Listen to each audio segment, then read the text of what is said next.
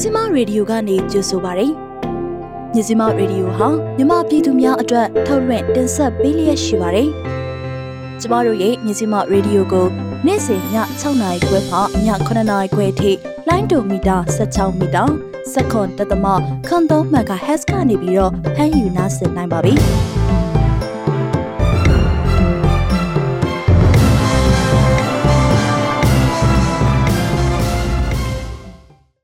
င်္ဂလာပါရှင်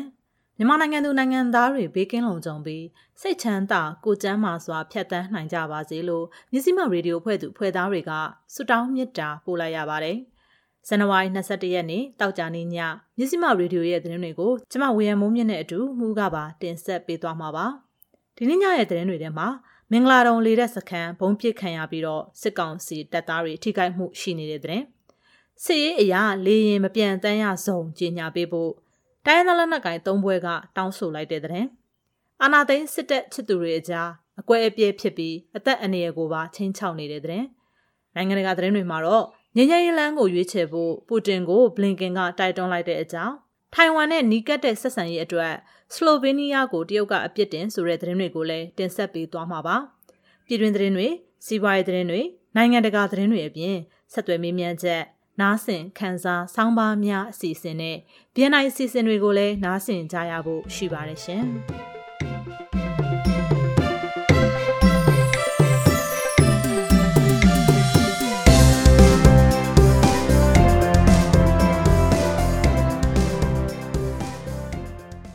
ရန်ကုန်မှာရှိတဲ့မင်္ဂလာလီတက်စခန်းပုံပြခံရပြီးမိန်ဂိတ်ပေါက်မှာကင်းဆောင်နေတဲ့စစ်ကောင်စီတပ်တွေထိခိုက်မှုရှိနိုင်ကြောင်းအာနာရှင်တော်လိုင်းရေးတပ်ဦး DRF မှတာဝန်ရှိသူကပြောပါရယ်ဇန်နဝါရီလ22ရက်နေ့နေ့လယ်17နာရီမိနစ်55မိနစ်ခန့်ကအဲ့ဒီနေရာမှာဘုံပေါက်ခဲ့ခြင်းဖြစ်ပါတယ်။ဂိတ်ပေါက်ဝမှာသူတို့က9ယောက်6ယောက်ရှိနေတာလက်ပစ်ဘုံနဲ့ထုခဲ့တာပါထိခိုက်ဒဏ်ရာရနိုင်တယ်။ဘာလို့ဆိုသူတို့ကအဲ့နာမှာစုပြီးနေနေကြတာလေလို့ DRF မှတာဝန်ရှိသူကပြောပါရယ်။ အာနာရှင်မပြုတ်မချင်းတက်နိုင်တဲ့ဘက်ကဆောင်ရွက်သွားမှာဖြစ်ကြောင်း DRF တာဝန်ရှိသူကဆက်လက်ပြောကြားပါတယ်။အာနာရှင်မပြုတ်ကြမချင်းအကိုတို့တတ်နိုင်တဲ့အတိုင်းတာနဲ့ရသလောက်ကိုဆောင်ရွက်သွားပါမယ်မြို့ပြမှာအုပ်ချုပ်လို့မရအောင်အမြဲတမ်းတိုက်ခိုက်သွားမယ်လို့ဆက်လက်ပြောကြားသွားပါတယ်မြန်မာနိုင်ငံမှာစစ်ရေးအရလေရင်မပြန့်တမ်းရဆုံးကြီးညာပြီးတော့လိုက်နာမှုရှိစေဖို့နိုင်ငံတကာကတာဝန်ယူစောင့်ကြပ်ပေးရေးပါဝင်တဲ့အချက်၃ချက်ကိုချင်းမျိုးသားတအူ ကရင်မျိုးသားအစည်းအရုံးကရင်အမျိုးသားတိုးတက်ရေးပါတီတွေကထုတ်ပြန်တောင်းဆိုလိုက်ပါတယ်။ဇန်နဝါရီ20ရက်နေ့ရက်စွဲနဲ့ထုတ်ပြန်ချက်မှာနိုင်ငံတကာအာမခံမှုနဲ့ရက်သားပြည်သူတွေကိုအကအကွယ်ပေးရတဲ့လုံခြုံတဲ့နေရာတွေကိုသတ်မှတ်ပေးဖို့စစ်ဆောင်စခန်းတွေစေယုံစေကန်နဲ့စာတင်ကျောင်းစတဲ့နေရာတွေကိုတိတိကျကျသတ်မှတ်ကြေညာပေးဖို့တောင်းဆိုထားပါတယ်။နိုင်ငံတကာအတိုင်းအတာနဲ့ညှိနှိုင်းထားတဲ့လူသားချင်းစာနာထောက်ထားမှုဆိုင်ရာလမ်းကြောင်းတွေကိုကြေညာပြီးတော့အဲ့ဒီနေရာတွေကနေတဆင့် နေဆက်ဖြတ်ကျော်ပြီးဒါမှမဟုတ်နိုင်ငံအတွင်းအဓိကကျတဲ့နေရာတွေကနေတဆင့်အကူအညီပေးရေးအဖွဲ့တွေအနေနဲ့အလိုအဆုံးနေရာတွေကိုတွားရောက်ပံ့ပိုးပေးဖို့စတဲ့အချက်၃ချက်ပါဝင်ပါတယ်။မြန်မာနိုင်ငံအတွင်းမှာရှိတဲ့ချင်း၊ကချင်၊ကရင်၊ကရင်နီ၊ရှမ်း၊စကိုင်းနဲ့မကွေးဒေသတွေမှာရှိတဲ့ပြည်သူတွေဟာလူသားချင်းစာနာထောက်ထားမှုအကူအညီတွေအရေးတကြီးလိုအပ်နေတယ်လို့ဆိုပါတယ်။အာနာသိမ့်ပြီးနောက်ပိုင်းစစ်ကောင်စီတပ်ကကျူးလွန်တဲ့အကြမ်းဖက်မှုတွေကိုရှုတ်ချထားပြီးတော့ ကုလအထူးကိုယ်စားလှယ်အဆိုပြုတဲ့လူသားချင်းစာနာထောက်ထားမှုအကူအညီပေးအပ်ရေးချင်းကပ်မှုတွေကိုတော့ကြိုဆိုလိုက်ပါတယ်။ဆိုပါအစီအစဉ်တွေကိုမြန်မာအိန္ဒိချင်းနိုင်ငံတွေနိုင်ငံတကာမိတ်ဆွေတွေပူးပေါင်းဖော်ဆောင်ပေးမယ်ဆိုရင်မြန်မာပြည်သူတွေအတွက်လူသားချင်းစာနာထောက်ထားမှုဆိုင်ရာအကူအညီတွေအလင်းအမြန်ပံ့ပိုးပေးနိုင်မယ်လို့မျှော်လင့်ကြောင်းလဲထုတ်ပြန်ကြမှာဖော်ပြထားပါတယ်။လက်ရှိကရင်မျိုးသားနေအစည်းအရုံး KMU ကော်တူးလေအုပ်ချုပ်နယ်မြေတစ်ခုထဲမှာပဲပြည်သူတသိန်းကျော်ဟာစိုးရင်ထိတ်လန့်မှုတွေနဲ့အသက်ရှင်နေကြရပြီး ပြည်သူ9000ကျော်ဟာစစ်ဘေးတိမ်းရှောင်နေကြရပါတယ်။ဒါ့အပြင်ကင်းနီပြည်နယ်လူဦးရေတဝက်နီးပါးဖြစ်တဲ့တသိန်း9000နီးပါးဟာလည်းစစ်ဘေးရှောင်နေကြရတယ်လို့သိရပါတယ်။ဆက်လက်နားဆင်ရမှာကတော့ CDN ပြုတ်လုပ်ပြီးတော့အလုတ်ပြန်ဝင်နေတဲ့ဝန်ထမ်းတွေရဲ့ကိုယ်ရေးအချက်အလက်တွေကိုစစ်ကောင်စီကပြုစုနေတဲ့ဆိုတဲ့သတင်းကိုနားဆင်ကြရမှာပါ။ AR တိုင်းမှာ CDN လှုပ်ရှားမှုမှာပါဝင်ခဲ့ပြီးလက်ရှိအလုပ်ပြန်ဝင်နေတဲ့ဌာနဆိုင်ရာအသီးသီးကဝန်ထမ်းတွေရဲ့နေရလိပ်စာအတိအကျနဲ့ကိုကြီးအချက်လက်တွေကိုစစ်ကောင်စီရဲ့စေခိုင်ချက်အရသက်ဆိုင်ရာဌာနလိုက်စီးရင်ပြုစုနေတယ်လို့ပသိမ်ခရိုင်ထွေအုပ်ရုံဝန်ထမ်းတဦးကပြောပါတယ်။တိုင်းထွေအုပ်ရုံအသီးတယောက်ပြောပြလို့ဒီလိုလုပ်နေတယ်ဆိုတာသိရတာပြ။ဒီတိုင်းဆိုရင် CDN လုပ်ပြီးမှအလုပ်ပြန်ဝင်တဲ့ဝန်ထမ်းတွေကိုစောင့်ကြည့်နေတဲ့သဘောရှိတယ်။ရုံတွေသတင်းပေါက်ကြားတာတို့ဘာလို့ဆိုရင် CDM ကနေအလုပ်ပြန်ဝင်နေတဲ့သူတွေကိုတခုခုလုပ်နိုင်တယ်လို့သူကဆိုပါတယ်2021ခုနှစ်မေလဒုတိယအပတ်ခန့်ကလည်း CDM ဝန်ထမ်းတွေရဲ့နေရလိပ်စာအတိအကျနဲ့ရှောင်ပုံးနိုင်တဲ့နေရာတွေကိုစီရင်ပြုစုထားဖို့ AR တိုင်းစစ်ကောင်စီကမြို့နယ်အသီးသီးမှာရှိတဲ့အထွေထွေအုပ်ချုပ်ရေးမှုတွေကိုညွှန်ကြားထားကြောင်းအဆိုအဝန်ထမ်းကဆက်ပြောပါတယ်ဆီယနာသိမ်းပြီးတဲ့နောက်ပိုင်း AR တိုင်းအတွင်း CDN ဝန်ထမ်းအများပြားရှိခဲ့ပြီးလက်ရှိအလုပ်ပြတ်ဝင်နေတဲ့ဝန်ထမ်းတွေရှိနေခြင်းကြောင့် CDN ဝန်ထမ်းအရေးအတွက်အတိအကျတွက်ချက်ဖို့မလွယ်ကူသေးကြောင်းလွှတ်တော်ကိုယ်စားလှယ်တဦးကသုံးသပ်ပါတယ်။ စစ်ကောင်စီတပ်တွေနဲ့ရဲတွေမတရားဖမ်းဆီးမှုကြောင့်ပသိမ်အကျဉ်းထောင်မှာဖမ်းဆီးခံထားရတဲ့စီရီယံဝန်ထမ်းအများပြားရှိနေပြီးတော့အချို့ရှောင်တိန်နေရကြောင်းပသိမ်မြို့မှာရှိတဲ့နိုင်ငံရေးတက်ကြွလှုပ်ရှားသူတဦးကပြောပါတယ်။အမျိုးသားရေးလှုပ်ရှားသူတွေလို့သူတို့ဘာသာကမွန်းတက်ထားတဲ့အာနာသိန်းစစ်တပ်ကိုချစ်ကြသူတွေအချင်းချင်းစစ်ကောင်းဆောင်တဲ့နီးစက်လိုရာကနေအစပြုပြီးတော့အသက်အန္တရာယ်ချင်းချောက်ပြောဆိုမှုတွေကိုပြုလုပ်လာတာလူမှုကွန်ရက်စာမျက်နှာတွေမှာပေါ်ထွက်လာခဲ့ပါတယ်။ တက်မတော်ချစ်သူလို့ခံယူထားတဲ့လူမျိုးဘာသာရေးအစွန်းရောက်ဝါဒီတွေဖြစ်ကြတဲ့ကိုကျော်ထွန်းသိန်းမင်းသားကြီးနဲ့မိုက်ကယ်ကျော်မြင့်တို့ဟာဖုံးဆက်ပြီးတော့တဦးနဲ့တဦးတပ်ဖြတ်မဲ့အကြောင်းတွေပြောဆိုနေတယ်လို့မျိုးလူမှုကွန်ရက်စာမျက်နှာမှာလည်းပုတ်ခတ်တိုက်ခိုက်မှုတွေရေးသားလာတာတွေ့ရပါတယ်။ကျော်ထွန်းသိန်းကတက်ချုပ်မွေးစားသားလို့ပြောနေတဲ့ကောင်ကဖုံးဆက်ပြီးတော့မင်းလေဘင်းကိုဖောက်ပစ်မယ်တို့ခေါင်းကိုဂုံလေးစွပစ်မယ်တို့ပြောနေတော့ ကျွန်တော်အရန်ကြောက်နေပါတယ်လို့ live လွှင့်ပြီးတော့ရဲရဲမောမောပြောဆိုနေတာကိုတွေ့ရပါတယ်။ဒါအပြင်အကြမ်းဖက်စစ်တပ်ခေါင်းဆောင်ဗိုလ်ချုပ်မှုကြီးမင်းအောင်လှိုင်ရဲ့မွေးစားသားဆိုပြီးမင်းအောင်လှိုင်ကိုချစ်ဖေးလို့ခဏခဏတုံးနှုံနေတဲ့မင်းသားကြီးဆိုသူကကိုကျော်ထွန်းသိန်းဟာတက်မတော်ဘုံမှုအယောင်ဆောင်ပြီးတော့တက်ချစ်သူမိန်းကလေးတွေကိုဖျက်ဆီးခဲ့ပြီးငွေလိမ်လည်မှုတွေဆောင်ရွက်ခဲ့ကြောင်းနဲ့ပြူစောထီအဖွဲ့ဝင်တွေဖြစ်ကြတဲ့ကိုညံမြင့်ကိုတူရထင်းနဲ့ကိုခင်မောင်ဦးတို့ကိုလည်း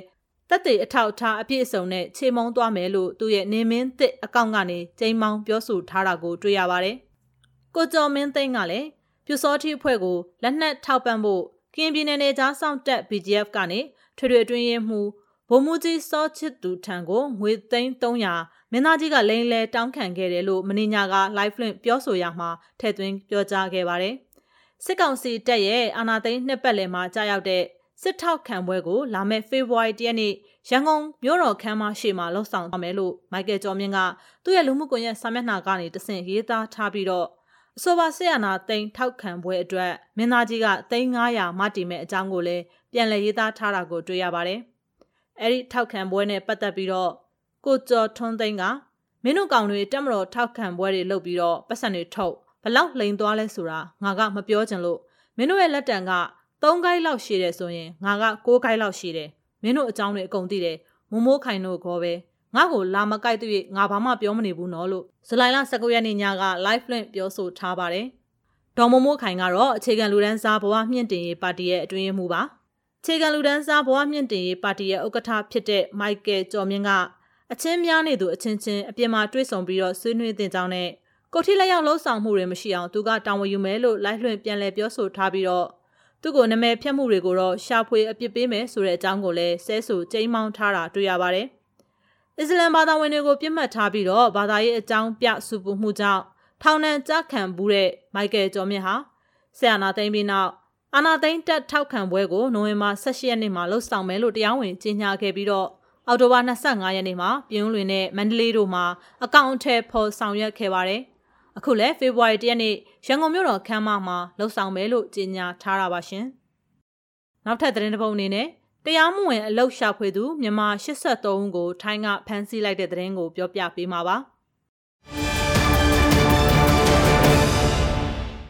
မြန်မာနိုင်ငံကနေနေဆက်ကိုတရားမဝင်ဖျက်ကျော်ပြီးထိုင်းနိုင်ငံကန်ချာနာဘူရီပြည်နယ်တွင်ဖောက်ပုံခရိုင်အတွင်းဝင်ရောက်လာတဲ့မြန်မာ83ဦးကိုကြတာပရိနေမှာဖမ်းဆီးရမိတယ်လို့ရဲကပြောပါတယ်စစ်တပ်ရဲ့စူရာစီလုပ်ငန်းစဉ်တပ်ဟာရဲနဲ့ပူးပေါင်းပြီးတော့ကင်းလက်ရှာဖွေမှုမှာဝါစီယာလောင်ကုန်းရေကာတာနာဥမင်လိုင်ကောင်တစ်ခုအတွင်းမှာပေါအောက်နေတဲ့အမျိုးသား60နဲ့အမျိုးသမီး23ဦးတို့ကိုတွေ့ရှိခဲ့ခြင်းဖြစ်ကြောင်းတွင်ဖောက်ပုံရဲ့အကြီးအကဲရဲမှုစန်တီပီတာဆာကူရက်ဆိုပါတယ် သူတို့ကိုစစ်ကြောမေးမြန်းဖို့ပစ်ကတ်ထရက်ကာ10စီးနဲ့တွန်ဖာပုံရဲစခန်းကိုခေါ်ဆောင်သွားပါတယ်။ကနဦးကရှဲဟာထရက်ကားဒရိုက်ဘာအဆာ9ကိုဖမ်းဆီးရမိပြီးတော့ဥမင်လှိုင်ကောင်းတွင်ကလူတွေကိုတောက်ရီပို့ပေးဖို့ငှားရမ်းခံရခြင်းဖြစ်တယ်လို့၎င်းကစုံစမ်းစစ်ဆေးသူတွေကိုပြောပါတယ်။၎ င်းရဲ့ထွက်ဆိုချက်အပြင်ပေါ်အောင်နေတဲ့နေရာကိုကင်းတဲ့အဖွဲ့တွားရောက်နိုင်ခဲ့ခြင်းဖြစ်ပါတယ်။အခုနေဆက်ဖြတ်ကျော်လာကြသူတွေဟာဖျားသုံးစုမလမြရန်ကုန်ပဲခူးနဲ့ဒဝယ်တို့ကဖြစ်ကြပြီးတော့စမော့စခွန်ရချာဘူရီကန်ချာနာဘူရီနဲ့ဘန်ကောက်တို့မှာအလောက်ကန်ရှိရာကိုဥတီထားကြခြင်းဖြစ်ပါတယ်။အလောက်ပွဲစားတွေကိုတအုပ်ကိုထိုင်းဘတ်ငွေ1000ကနေ2000ခွဲအထိပေးခဲ့ရတယ်လို့အချို့ကပြောပါတယ်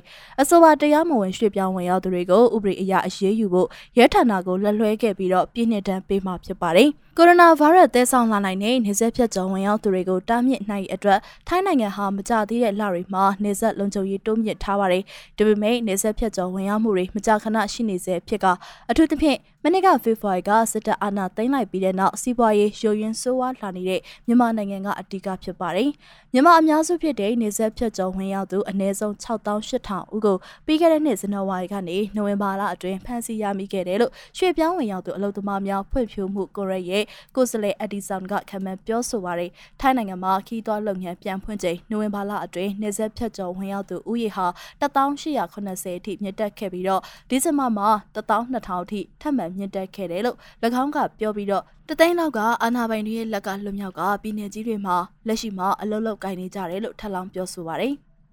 ဆက်လက်ပြီးတယ်လီနောကိုပြည်ရင်းကုမ္ပဏီတစ်ခုနဲ့ပူးပေါင်းပြီးလက်ဘနိုကုမ္ပဏီ M1 Group ကဝယ်ယူမယ်ဆိုတဲ့သတင်းကိုတင်ဆက်ပေးမှာပါ။နော်ဝေတယ်လီနောကုမ္ပဏီရဲ့ရှစ်တောင်အာရှမြန်မာနိုင်ငံကလုပ်ငန်းရောင်းချရေးမှာစစ်ကောင်စီက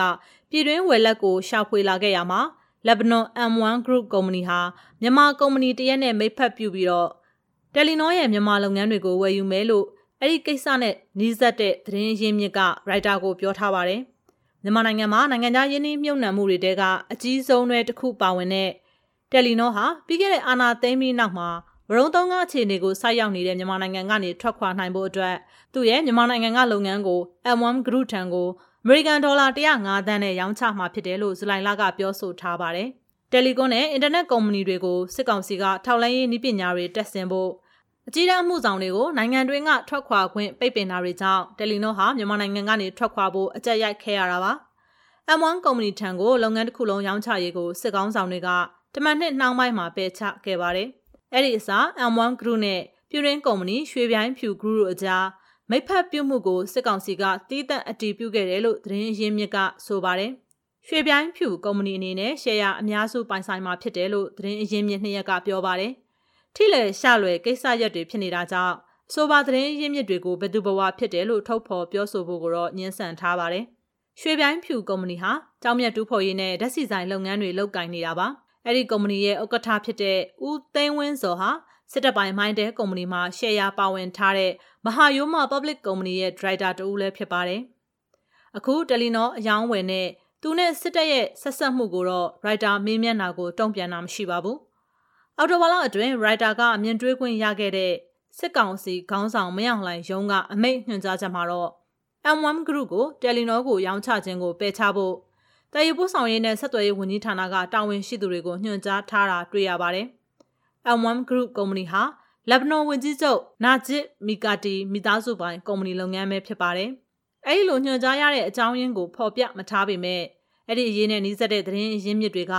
စစ်ကောင်စီဟာပြည်တွင်းဝယ်လက်ကိုပို့ပြီးလိုလားတာကြောင့်ဖြစ်တယ်လို့ဆိုထားပါတယ်။ Baroque မှာအခြေစိုက်တဲ့ M1 Group ရဲ့ကိုယ်စားလှယ်တွေကိုရိုက်တာကဖုန်းဆက်ပြီးတော့ထင်မြင်ချက်တောင်းဆိုတာကို ဖြေဆိုထားခြင်းမရှိပါဘူး။စစ်ကောင်စီကိုယ်စားလှယ်ကလည်းထင်မြင်ချက်ပေးဖို့ကိုတုံ့ပြန်တာမရှိပါဘူး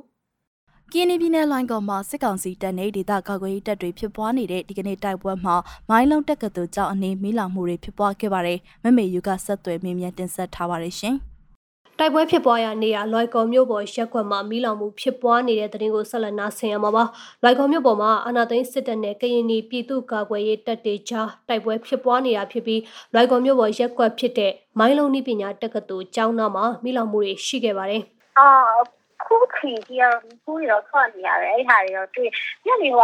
လောင်နေရတယ်ကျမတို့ဒီဟိုစစကူတက်လာပြီးတော့ဘာမှမကြည့်တယ်ကြားလေလည်းကြည့်တယ်လို့ဖြစ်ပြီးတော့အခုချိန်ကြီးအဲ့နားရတဲ့ဘောသွားရင်ရောအဲဒါမဲ့လေကျတော့ကျမတို့အတန်ကြီးကြားဘောနော်အတန်ကြီးကြားလို့ဟောဖြစ်နေတယ်ဘီခိုးတွေအဲ့ပေါ့ထွက်လာပြီးတော့မှကြည့်ကြတယ်ကျင်းတယ်ပေါ့အဲ့အဲ့အခုအဲ့လောင်နေဖက်တယ်မှာတော့မရှိတော့အဲ့အပေါ်ပိုင်းတစ်ပိုင်းတော့တော့ရှောင်းနေကြပြီဆိုတော့ တော့အဲ့ကဲကဲရဲ့ရက်ကွက်အဲ့ရွာတဲ့ချီဖတ်ပါအဲ့ပေါ့ရတဲ့ရှိတိုက်ကဖတ်ပါတော့အဲ့ဖုန်းကြောင်းတွေလည်းရှိသေးတယ်အောက်ဖက်ပိုင်းကတော့လူတချို့ဟောတော့အဲ့စောင့်နေတဲ့ပညာတော့ရှိဒါကတော့လွိုက်ကော်ဒေတာကန်တအုပ်ကိုဆက်သွယ်မေးမြန်းထားပါတယ်။လွိုက်ကော်မြို့ကန်တွေအနေနဲ့လက်ရှိမှာစစ်ပေးရှောင်နေကြရတာဖြစ်ပြီးမြို့ကန်ချို့ဟာလည်းချင်းပြည်နယ်ထန်တလန်လိုမျိုးတမျိုးလုံးမီးလောင်မှာကိုစိုးရိမ်လို့နေရက်မစွန့်ခွာသေးပဲမြို့ပေါ်မှာဆက်လက်နေနေကြသေးတယ်ဆိုပြီးလည်းသိရှိရပါတယ်။ကျ မတို့ရဲ့မြစီမရေဒီယိုကိုနေ့စဉ်ညနေ6နာရီခွဲမှ9နာရီခွဲအထိတိုင်းတူမီတာ16မီတာစက္ကန့်တက်တမခွန်3မဂါဟက်စ်ကနေပြီးဖမ်းယူနိုင်စင်နိုင်ပါပြီ။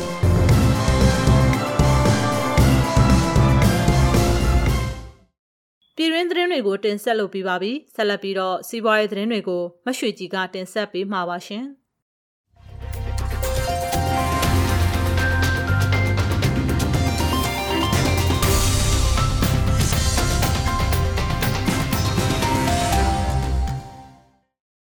ပကံညောင်ဒေတာမှာလျှက်စစ်မီးများမကြာခဏဆိုသလိုပြတ်တောက်နေမှုများကြောင့်ဒေတာခံများအနေနဲ့အခက်အခဲများကြုံတွေ့နေရပြီးအချို့သောစီးပွားရေးလုပ်ငန်းများလုပ်ကိုင်ရမှာလည်းထိခိုက်မှုများရှိနေကြောင်းသိရပါဗျ။လျှက်စစ်မီးပြတ်တောက်ခြင်းကြောင့်ပကံဒေတာမှာရှိတဲ့ဟိုတယ်တွေအနေနဲ့ဧည့်သည်များဝင်ရောက်တဲခိုတဲ့အခါမီးဆက်ဖြင့်တနေကုန်မီးပေးထားရတာကြောင့်ကုန်ကြစရိတ်တွေနဲ့ဝန်ဆောင်မှုပေးတာကမကာမိကြောင်းဒေတာခံများကဆိုပါတယ်။ အလားတူပကံညောင်ဒေတာရှိမြင်းကဘာကျေးရွာမှာ24နာရီလုံးလုံးလျှက်စစ်တပ်အားပြတ်တောက်နေခဲ့တာဟာ9ရက်6ရက်ခန့်ရှိပြီဖြစ်တယ်လို့သိရပါဗျ။24နာရီလုံးလုံးရွာမှာမီးဖြတ်တောက်ထားတာကြောင့်ဖုန်းအားသွင်းရင်တော့ညောင်ဦးမျိုးနဲ့ပကံထိသွားသွင်းရကြောင်းမြို့ပေါ်မှာလည်းအချိန်နဲ့မီးပေးတာကြောင့်ဒေသခံတွေအတွက်အဆင်မပြေမှုများရှိနေကြောင်းသိရပါဗျ။ အခုလိုမီးပြတ်တောက်မှုများနေစဉ်ဖြစ်ပေါ်နေခြင်းကြောင့်မီးစက်များပစ္စည်းပြက်လက်သည့်အထိရောင်းအားကောင်းခဲ့တယ်လို့လည်းဒေသခံတွေရဲ့ပြောပြချက်အရသိရပါဗျ။တချို့ဆိုရင်ဖုန်းအားသွင်းဖို့မိဆက်ရှိတဲ့အိမ်တွေမှာတနာရီကိုကျပ်200ကျပ်900ခန့်ပေးပြီးအားသွင်းနေရကလျှက်စစ်မီအသုံးပြုပြီးလုပ်ရတဲ့လုပ်ငန်းတွေအတွက်အခက်တွေ့နေတယ်လို့သိရပါတယ်။တရုတ်နိုင်ငံဘက်ကမြန်မာစိုက်ပျိုးရေးထွက်ကုန်များအဓိကတင်ပို့နေတဲ့ နေဆက်ကုန်သွယ်ရေးကိန်းများကို COVID-19 အကြောင်းပြချက်နဲ့အကန့်အသတ်များစွာလှုပ်ဆောင်ထားပေမဲ့လည်းတစ်ဖက်မှာမြေရှားတပ်ထုတင်သွင်းခြင်းကိုမူတကားဖွင့်ပေးထားပြီးအရှိန်ဟုန်ဖြင့်ဆောင်ရွက်လျက်ရှိကြောင်းသိရပါတယ်။မိုဘိုင်းဖုန်း electronic ပစ္စည်းများနဲ့စစ်လက်နက်ပစ္စည်းထုတ်လုပ်မှုများထိအရေးပါပြီးအသုံးဝင်တဲ့မြေရှားတပ်တုကိုကချင်ပြည်နယ်နဲ့တရုတ်နိုင်ငံနယ်စပ်အနီးရှိချီဖွေမြို့နယ်ပန်ဝါဒေသမှာတရုတ်ကုမ္ပဏီများကလာရောက်တူးဖော်လုပ်ကိုင်ပြီးတရုတ်နိုင်ငံသို့တင်ပို့ရောင်းချနေခြင်းဖြစ်ပါတယ်။ တရုတ်နိုင်ငံရဲ့မြေရှားတပ်တုသုံးစွဲမှုရဲ့ထက်ဝက်ခန့်ဟာမြန်မာနိုင်ငံမှာတင်ပို့နေတာဖြစ်ပြီးတစ်နှစ်လျင်တန်ချိန်3000နီးပါးထိထုတ်လုပ်လျက်ရှိကတရုတ်နဲ့အမေရိကန်ပြီးလျင်မြန်မာဟာမြေရှားတပ်တုတတိယအများဆုံးထုတ်လုပ်နိုင်တဲ့နိုင်ငံလည်းဖြစ်ပါတယ်။ မြန်မာတရုတ်နယ်စပ်ဂိတ်တွေကိုပြီးခဲ့တဲ့နှစ်နိုဝင်ဘာလကုန်ပိုင်းကပြန်လည်ဖွင့်လှစ်ခဲ့ပြီးနောက်မြန်မာဘက်မှတရုတ်တို့မြေရှားတပ်တုတင်ပို့မှုများပြန်လည်စတင်လာခဲ့ကြောင်းတရုတ်ဆိုရပိုင်း Global Time သတင်းစာက2021ခုနှစ်ဒီဇင်ဘာလအစောပိုင်းကဖော်ပြခဲ့ပါတယ်။လက်တလောအချက်လက်များအရတရုတ်ကုမ္ပဏီခုနှစ်ခုခန့်ကမြေဧက150ကျော်စီဖြင့်မြေရှားတပ်ထုတူးဖော်ရေးလုပ်ငန်းများလုပ်ကိုင်လျက်ရှိပြီးအဲ့ဒီဒေသမှာမြန်မာလုပ်သား2000ကျော်နဲ့တရုတ်လူမျိုး1000ဝန်းကျင်အထိရှိနေကြောင်းသိရပါဗျ။ အဆိုပါတပ်ထုတူးဖော်ရေးလုပ်ငန်းများကိုတရုတ်လူမျိုးကျွမ်းကျင်သူများကကြီးကြပ်ပြီးမြန်မာနိုင်ငံသားများကအခြေခံအလုပ်များကိုလှုပ်ဆောင်ရခြင်းဖြစ်ပါတယ်။မြန်မာနိုင်ငံဘက်မှတရုတ်ပြည်ဈေးကွက်သို့အဓိကတင်ပို့နေတဲ့မြေရှားတပ်ထုအမျိုးအစားရဲ့ဈေးနှုန်းဟာ1ကီလိုဂရမ်လျှင်ယွမ်3500အမေရိကန်ဒေါ်လာ900ကျော်ဝန်းကျင်နဲ့ယွမ်1900ဝန်းကျင်အမေရိကန်ဒေါ်လာ150ကျော်ထိဈေးရရှိကြောင်းသိရပါဗျ။ မြန်မာနိုင်ငံမှာမြေရှားတပ်ထုတူးဖော်မှုများကို2019ခုနှစ်မှစတင်ကကြကြဲပြန့်ပြန့်စတင်လှုပ်ဆောင်ခဲ့ပြီးတရုတ်နိုင်ငံဘက်ကလည်းယခုနောက်ပိုင်းနှစ်တွေမှာ၎င်းတို့နိုင်ငံအတွင်းမှာမြေရှားတပ်ထုတူးဖော်မှုကိုတဘာဝပတ်ဝန်းကျင်ထိခိုက်မှုနဲ့လုံအားကဈေးကြီးမြင့်မှုတို့ကြောင့်လုံအားကဈေးပေါ်တဲ့မြန်မာနိုင်ငံဘက်သို့တိုးချဲ့လုတ်ကင်လာတာဖြစ်ပါတယ်။မြေရှားဈေးကွက်ကိုအဓိကချုပ်ကင်ထားတဲ့တရုတ်နိုင်ငံတို့မြန်မာနိုင်ငံကမြေရှားတပ်တုတင်ပို့တဲ့နိုင်ငံဖြစ်ပေမဲ့ မြေရှားတင်ပို့မှုမှာနှစ်စဉ်ဝင်ငွေမြင့်မြရရှိသည်ကိုတော့သေချာမသိရတာဖြစ်ပါတယ်။မန္တလေးပဲဈေးကွက်အတွင်း2022ပဲရာသီမှာပဲစင်းကုန်ဈေးဟာမနှစ်ကကာလတူဈေးနှုန်းထက်သုံးလင်းဝင်တအိတ်ကို9000ကျော်လောက်ထိဈေးနှုန်းမြင့်တက်နေပြီးမြေထောက်ပဲတွေကတော့စတင်ဝင်ရောက်ချိန်ပေါ်ဥပေါ်ပြားချိန်မှာပဲမနှစ်ကထက်သုံးနှစ်ဝင်တအိတ်ကိုငွေကျပ်4000လောက်ထိဈေးနှုန်းမြင့်တက်နေတယ်လို့မန္တလေးပဲနှန်းကုန်သည်တွေစီကနေသိရပါဗျ။ ပြီးခဲ့တဲ့နှစ်ကဘဲစင်းကုံ3နှစ်ဝင်တအိတ်ကိုငွေကျပ်9000ဝန်းကျင်ရှိခဲ့ပေမဲ့ဒီနှစ်မှာတော့တအိတ်ကိုငွေကျပ်32500လောက်ထိပေါက်ဈေးရှိနေကမြေထောက်ပဲကတော့မနှစ်က3နှစ်ဝင်တအိတ်ကိုငွေကျပ်35000ကျပ်ရှိခဲ့ပေမဲ့ဒီနှစ်မှာတော့3နှစ်ဝင်တအိတ်ကိုငွေကျပ်34500ပေါက်ဈေးရှိနေတာဖြစ်ပါတယ်။ပဲစင်းကုံဟာအဖြူအနီအကြား၃မျိုးရှိပြီးတခြားပဲစင်းကုံတွေထက်1000ခန့်ပိုမိုဈေးမြင့်တက်လေရှိတယ်လို့သိရပါတယ်။နောက်နှစ်ပတ်လောက်ကြာတဲ့အခါမှာ ခင်ဦးရွှေဘိုရေဦးမြို့နဲ့ကြောက်ပတောင်မကွေးဘက်ကလည်းပဲစင်းကုံအစ်စ်တွေမန်းလေးဈေးကွက်အတွင်းသို့ဝင်ရောက်လာတော့မှာဖြစ်ပါတယ်။ပဲစင်းကုံကိုမြန်မာနိုင်ငံအလဲပိုင်းနဲ့အထက်ပိုင်းဒေသတွေဖြစ်တဲ့မန္တလေးမကွေးတိုင်းဒေသကြီးတို့မှာအဓိကစိုက်ပျိုးကြပြီးစိုက်ပျိုးစိတ်အသက်သားဆုံးနဲ့ရာသီဥတုဒဏ်ကိုခံနိုင်ရရှိတဲ့သီးနှံဖြစ်တယ်လို့သိရပါတယ်။မြေထောက်ပဲကတော့ပူတဲ့ဒေသတွေနဲ့မိုးများတဲ့ဒေသတောင်ပေါ်တွေမှာလည်းစိုက်ပျိုးဖြစ်ထွန်းမှုမရှိဘဲရာသီဥတုမပူမနွေးအရက်ဒေသတွေမှာစိုက်ပျိုးထွက်ရှိတာဖြစ်တယ်လို့သိရပါတယ်။ မြေထောက်ပဲကိုချင်းတွင်းမြဝန်းတလျှောက်ကကလေးကလေးဝဂံကောမြို့နယ်တွေမှာစိုက်ပျိုးအောင်မြင်လေးရှိပြီးအိန္ဒိယနိုင်ငံကိုအဓိကတင်ပို့ရောင်းချရတယ်လို့သိရပါတယ်။ပြီးခဲ့တဲ့9နှစ်လောက်ကစပြီးတရုတ်ပြည်ဈေးကွက်ကိုလည်းစမ်းသက်တင်ပို့ရောင်းချရမှာတရုတ်စားသုံးသူတွေကကြိုက်နှစ်သက်တာကြောင့်တရုတ်ပြည်ကိုလည်းအနည်းငယ်တင်ပို့ရတယ်လို့သိရပါတယ်။အိန္ဒိယနိုင်ငံသို့တန့်စင်အောင်ပြုလုပ်ပြီးတခြားဥရောပနိုင်ငံများကိုလည်းတင်ပို့နေရတာဖြစ်တာကြောင့် အိန္ဒိယနိုင်ငံလိုကုန်ချောပြုလုပ်ရောင်းချနိုင်ဖို့ကိုလည်းတီထွင်စမ်းသစ်တင်တယ်လို့လည်းကုန်သည်တွေကဆိုပါတယ်။ရှစ်တောင်အာရှနိုင်ငံများအသင်းအာဆီယံရဲ့ခီးသောဝင်ကြီးတွေဟာ COVID-19 ကပ်ရောဂါကြားမှာအာဆီယံခီးသောလုပ်ငန်းကဏ္ဍပြန်လည်အသက်ဝင်လှုပ်ရှားလာစေဖို့အတွက်ခီးသောကဏ္ဍပြန်လည်ဖွင့်လှစ်ခြင်းကိုကြေညာသွားမှာဖြစ်ကြောင်းဇန်နဝါရီလ19ရက်နေ့မှာသဘောတူခဲ့ကြပါတယ်။ ခီးသောဝင်ကြီးများကအာဆီယံခီးသောလုပ်ငန်းကဏ္ဍပြန်လည်ဖွင့်လှစ်ခြင်းအတွက်အဆင့်သင့်ဖြစ်ုံသာမကလျင်မြန်စွာပြန်လည်ဥမော့လာလိမ့်မယ်လို့ပြောကြားလိုက်ပါတယ်။ခီးသောဝင်ကြီးများကအာဆီယံနိုင်ငံများအကြားမှာစံသတ်မှတ်ထားတဲ့ COVID-19 ရောဂါကာကွယ်ဆေးထိုးနှံခြင်းအတိအမှတ်ပြုစနစ်တစ်ခုအား မိတ်ဆက်ဖို့အတွက်သဘောတူညီခဲ့ကြပြီးအာဆီယံဖွဲ့ဝင်နိုင်ငံများအသီးသီးမှာ COVID-19 ကာကွယ်ဆေးထိုးနှံခြင်းဖြစ်ထွန်းတိုးတက်မှုအား COVID-19 ကာကွယ်ဆေးထိုးနှံခြင်းဖြစ်ထွန်းမှုတိုးတက်မှုအားကြိုးဆိုခဲ့ကရင်းမှာအာဆီယံခီးသောလုပ်ငန်းပြန်လည်ဖွင့်လှစ်ရေးအတွက်အဓိကသောချက်တစ်ခုဖြစ်တယ်လို့ဆိုပါတယ်။1969ခုနှစ်ကစတင်ဖွဲ့စည်းတည်ထောင်ခဲ့တဲ့အာဆီယံအသင်းကြီးမှာအဖွဲ့ဝင်နိုင်ငံများအဖြစ်ဘရူနိုင်းကမ်ဘောဒီးယားအင်ဒိုနီးရှားလာအိုမလေးရှားမြန်မာဖိလစ်ပိုင် စင်ကာပူထိုင်းနဲ့ဗီယက်နမ်တို့ပါဝင်တာဖြစ်ပါတယ်။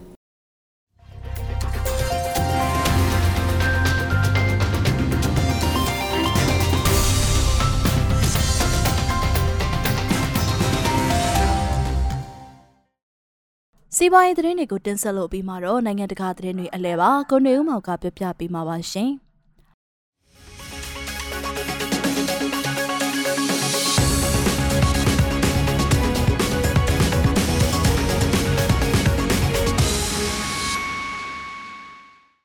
ဒီသတင်းပတ်အနှောင်ပိုင်းရုရှားနဲ့ယူကရိန်းအကြက်တဲတွဲဆုံဆွေးနွေးမှုတွေကိုထောက်ခံအားပေးတဲ့အနေနဲ့ယူကရိန်းနိုင်ငံကိုရောက်ရှိနေတဲ့အမေရိကန်နိုင်ငံသားရေးဝန်ကြီးအန်တိုနီဘလင်ကန်ကရုရှားသမ္မတဗလာဒီမီယာပူတင်ကို ငြိမ်းချမ်းတဲ့လမ်းကိုရွေးချယ်ဖို့ဇန်နဝါရီလ19ရက်ဗုဒ္ဓနေ့ကတိုက်တွန်းလိုက်ပါတယ်။ဘာလင်မှာဥရောပမဟာမိတ်တွေနဲ့ဆွေးနွေးမှုနဲ့တောက်ကြနေ့ဂျနီဗာမှာပူတင်နဲ့ဆွေးနွေးဖို့ကြိုတင်ချင်းဆိုထားပြီးယူကရိန်းကိုရောက်နေတဲ့ဘလင်ကန်ကအနောက်အုပ်စုကိုထောက်ခံတဲ့အိန္ဒိချင်းအပေါ်ကျူးကျော်မှာကိုစိုးရိမ်နေမှုတွေကိုဖြေလျှော့ပေးနိုင်ဖို့တိုက်တွန်းခဲ့ပါတယ်။ဒါကိုတန်တမန်ရေးနည်းနဲ့ငိမ့်ချမ်းတဲ့လမ်းကြောင်းပေါ်မှာဆက်ထိန်ထားနိုင်မယ်လို့ကျွန်တော်အခိုင်အမာမျှော်လင့်ပါတယ်။ဒါပေမဲ့ဒါဟာ သမ္မတပူတင်ရဲ့ဆုံးဖြတ်ချက်ကအဓိကကျပါတယ်လို့ယူကရိန်းကိုရောက်နေတဲ့ဘလင်ကန်ကအမေရိကန်တန်ယုံကနေပြောကြားခဲ့ပါတယ်။ယူကရိန်းနယ်စပ်မှာတောင်းနဲ့ချီတဲ့တပ်ဖွဲ့တွေဖြန့်ကျက်ချထားခြင်းအတွက်မော်စကိုနဲ့အနောက်အုပ်စုကြားတင်းမာမှုတွေဟာစစ်အေးခေလွန်ကာလအတွင်းအမြင့်ဆုံးကိုရောက်ရှိလာခဲ့ပြီးအရှေ့ဥရောပမှာကြီးမားတဲ့ပဋိပက္ခဖြစ်လာမှာစိုးရိမ်မှုတွေရှိနေပါတယ်။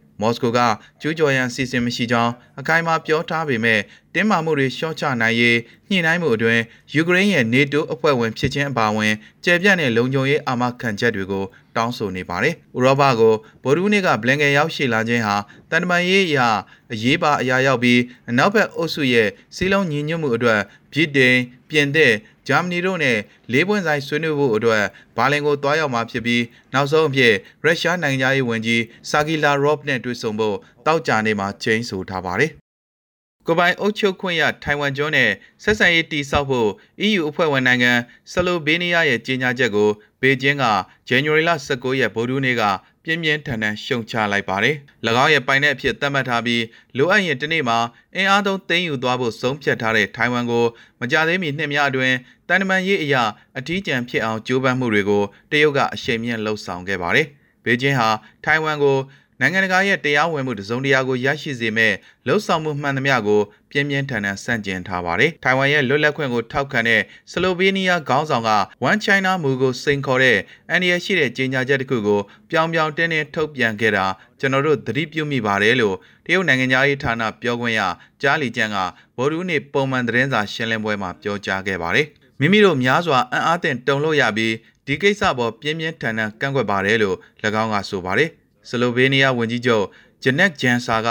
မိမိတို့ဆလိုဗေးနီးယားအနေနဲ့ထိုင်ဝမ်နဲ့ကိုယ်စားလှယ်ရုံးတွေအပြန်အလှန်ဖွင့်လှစ်ဖို့လှုံ့ဆော်နေကြောင်းပြောကြားခဲ့ပြီးတဲ့နောက်မှာအခုလိုတရုတ်ဘက်ကတုံ့ပြန်မှုတွေထွက်ပေါ်လာခဲ့တာဖြစ်ပါတယ်။ထိုင်ဝမ်နဲ့အပြန်အလှန်ကိုယ်စားလှယ်တွေထားရှိဖို့ကျွန်တော်တို့လှုပ်ဆောင်နေပါတယ်လို့အစိုးရ website မှာလွှင့်တင်ထားတဲ့အိန္ဒိယမီဒီယာဒေါ်ဒါရှန်နဲ့အင်တာဗျူးတစ်ခုမှာဂျန်ဆာကပြောကြားခဲ့ပါတယ်။ပါလီမန်ရဲ့အတည်ပြုချက်ရရှိတာနဲ့ရင်းလုပ်ငန်းစဉ်ဟာစောစီးစွာထွက်ပေါ်လာမည်ဖြစ်ပြီး EU အဖွဲ့ဝင်နိုင်ငံအများစုမှာထိုင်ဝမ်နဲ့ကိုယ်စားလှယ်ရုံးတွေရှိနေပြီလို့၎င်းကပြောကြားခဲ့ပြီးဂျန်ဆာရဲ့မှတ်ချက်စကားကိုထိုင်ဝမ်ကကြိုဆိုလိုက်ပါတယ်။ဝန်ကြီးချုပ်ဂျန်ဆာဟာထိုင်ဝမ်ရဲ့မိတ်ဆွေကောင်းတူဖြစ်ပြီးရခိုင်ကထိုင်ဝမ်ကိုအကြိမ်များစွာတွားရောက်ခဲ့မှုကြောင့်နိုင်ငံရေးဌာနပြောခွင့်ရအမျိုးသမီး UNEO ကအင်္ဂါနေ့မှာပြောကြားလိုက်ပါတယ်2004ခုနှစ်မှာ EU အဖွဲ့ဝင်ဖြစ်လာတဲ့ Yugoslav နိုင်ငံဟောင်းဆလိုဗေးနီးယားဟာ2012ခုနှစ်ကဥရောပအလဲပိုင်းနဲ့အရှေ့ဥရောပနိုင်ငံတွေမှာတရုတ်ရဲ့ယင်းနှိမ့်မြုပ်နှံမှုကိုမြင့်တင်နိုင်ဖို့ဖွဲ့စည်းခဲ့တဲ့တရုတ်ရဲ့ 17+1 ပူးပေါင်းဆောင်ရွက်မှုအဖွဲ့ရဲ့တစိမ့်တစ်ပိုင်းလည်းဖြစ်ပါတယ်။ဒါပေမဲ့ထိုင်ဝမ်နဲ့၎င်းတို့ကြားကနှွေးထွေးတဲ့ဆက်ဆံရေးဟာ EU နဲ့ဘေကျင်းကြားကအရှိန်မြင့်လာတဲ့တင်းမာမှုတွေကြောင့်ချိန်ချောက်ခံနေရပါတယ်။ မနေ့ကထိုင်ဝမ်ကို၎င်းရဲ့ကိုပိုင်အမည်နဲ့ကိုယ်စားလှယ်ရုံးဖွင့်လှစ်ခွင့်ပြုခဲ့တဲ့လီသူယေးနီးယားရဲ့ဆုံးဖြတ်ချက်ကဘေကျင်းကိုဒေါသထွက်စေခဲ့ပြီးနိုဝင်ဘာလအတွင်းကဘော်လ်တစ်နိုင်ငံနဲ့တန်တမန်ဆက်ဆံရေးကိုအဆင့်နှိမ့်ချကကုန်သွယ်မှုပိတ်ဆို့ထားခဲ့ပါတယ်။အေသင်နဲ့ပဲရစ်ဂျားက EU ရဲ့ကာကွယ်ရေးစွမ်းရည်ကိုမြင့်တင်ဖို့ရည်ရွယ်တဲ့ယူရိုဘီလီယံပေါင်းများစွာတန်တဲ့လက်နက်သဘောတူညီချက်အရပြင်သစ်ကမှာယူထားတဲ့ Rapid Jet တိုက်လေယာဉ်6စီး Great ကိုရောက်ရှိလာပြီးဒါဟာမြေထဲပင်လယ်ဒေသအတွင်းတူရကီရဲ့အင်အားကိုတံပြန်ဖို့ရည်ရွယ်တယ်လို့ရှုမြင်ကြပါတယ်။တိုက်လေယာဉ်အသစ်6စီးဟာပြင်သစ်ကဝယ်ယူထားတဲ့ Great လေတပ်ရဲ့ Mirage တိုက်လေယာဉ်တွေစောင့်ကြပ်နေတဲ့ Acropolis ကိုကျော်လွန်ပြန်တန်းပြီးအေတင်မြို့မြောက်ဘက်ကတာနာဂရာလေဆိပ်ကိုဆင်းသက်လာခဲ့ပါတယ်။ခန်းနာကိုတက်ရောက်လာတဲ့ဝင်ကြီးချုပ် Kyriakos Mitsotakis က တိုက်လေယာဉ်အသစ်တွေဟာမိမိတို့လေတပ်ကိုဥရောပနဲ့မြေထဲပင်လယ်ဒေသအတွင်းအင်အားအကြီးဆုံးတွေကတစ်ခုဖြစ်လာစေပြီး Great ရဲ့တန်ကင်းတမန်ကင်းဆက်ဆံရေးကိုပုံမကောင်းမွန်လာစေမယ်လို့ပြောကြားခဲ့ပါတယ်။အန်ကရာနဲ့အငင်းပွားနေတဲ့ AGN ဝေဟင်ပိုင်တဲ့အတွင်းမှာတူရကီတိုက်လေယာဉ်တွေနဲ့အင်အားပြိုင်ဆိုင်မှုအတွက် Great လေတပ်ကိုအစိမ့်မြင့်တင်ဖို့အရေးတကြီးလိုအပ်နေကြောင်း၎င်းကပြောကြားခဲ့ပါတယ်။ တူရကီရဲ့ရည်မှန်းချက်တွေကိုတံပြန်ဖို့အတွက် Great ဟာပြင်သစ်စီက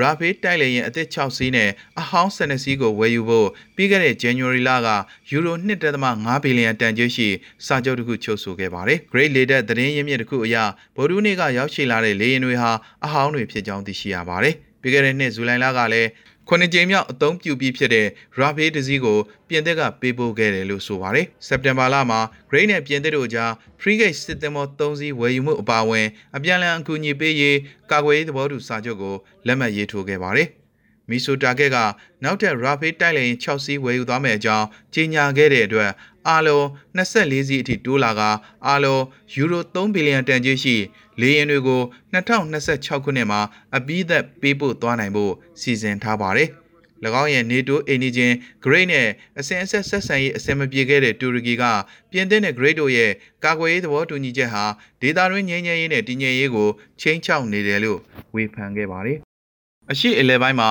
မကြုံစဘူးမငြိမ်မသက်မှုတွေဖြစ်ပွားပြီးနောက်ပိုင်း ကာဇက်စတန်ကအကူအညီတောင်းခံခဲ့တဲ့ရုရှားဦးဆောင်တဲ့စစ်ဖက်ဆိုင်ရာအဖွဲ့တွေအပိသက်စုခွာပြီးစီးကြောင်းရုရှားသတင်းဌာနတွေကဇန်နဝါရီလ19ရက်ဗုဒ္ဓနေ့မှာသတင်းထုတ်ပြန်ခဲ့ပါတယ်။ကာဇက်စတန်သမ္မတနိုင်ငံပိုင်နက်မှာ CSTO စုပေါင်းလုံခြုံရေးကောင်စီရဲ့ဆုံးဖြတ်ချက်နဲ့အညီငြိမ်းချမ်းရေးထိန်းသိမ်းမှုစစ်စင်ရေးတွေပြီးဆုံးသွားပါပြီလို့မော်စကိုဦးဆောင်တဲ့အဖွဲ့ဝင်6နိုင်ငံပါစစ်ဖက်ဆိုင်ရာအစုအဖွဲ့ရဲ့မစ်ရှင်ကိုဦးဆောင်သူရုရှားစစ်ဖက်အရာရှိ အန်ဒရီဆာဒီကော့ဗစ်ကပြောကြားခဲ့ပါတယ်။ဆိုဗီယက်နိုင်ငံဟောင်းတွေဖြစ်တဲ့အာမေးနီးယား၊ဘယ်လာရုစ်၊တာဂျစ်ကစ္စတန်၊ကာဂျစ်စတန်၊ကာဇက်စတန်နဲ့ရုရှားနိုင်ငံတို့ပါဝင်တဲ့အဖွဲ့ကတပ်ဖွဲ့ဝင်တွေဟာကာဇက်စတန်သမ္မတ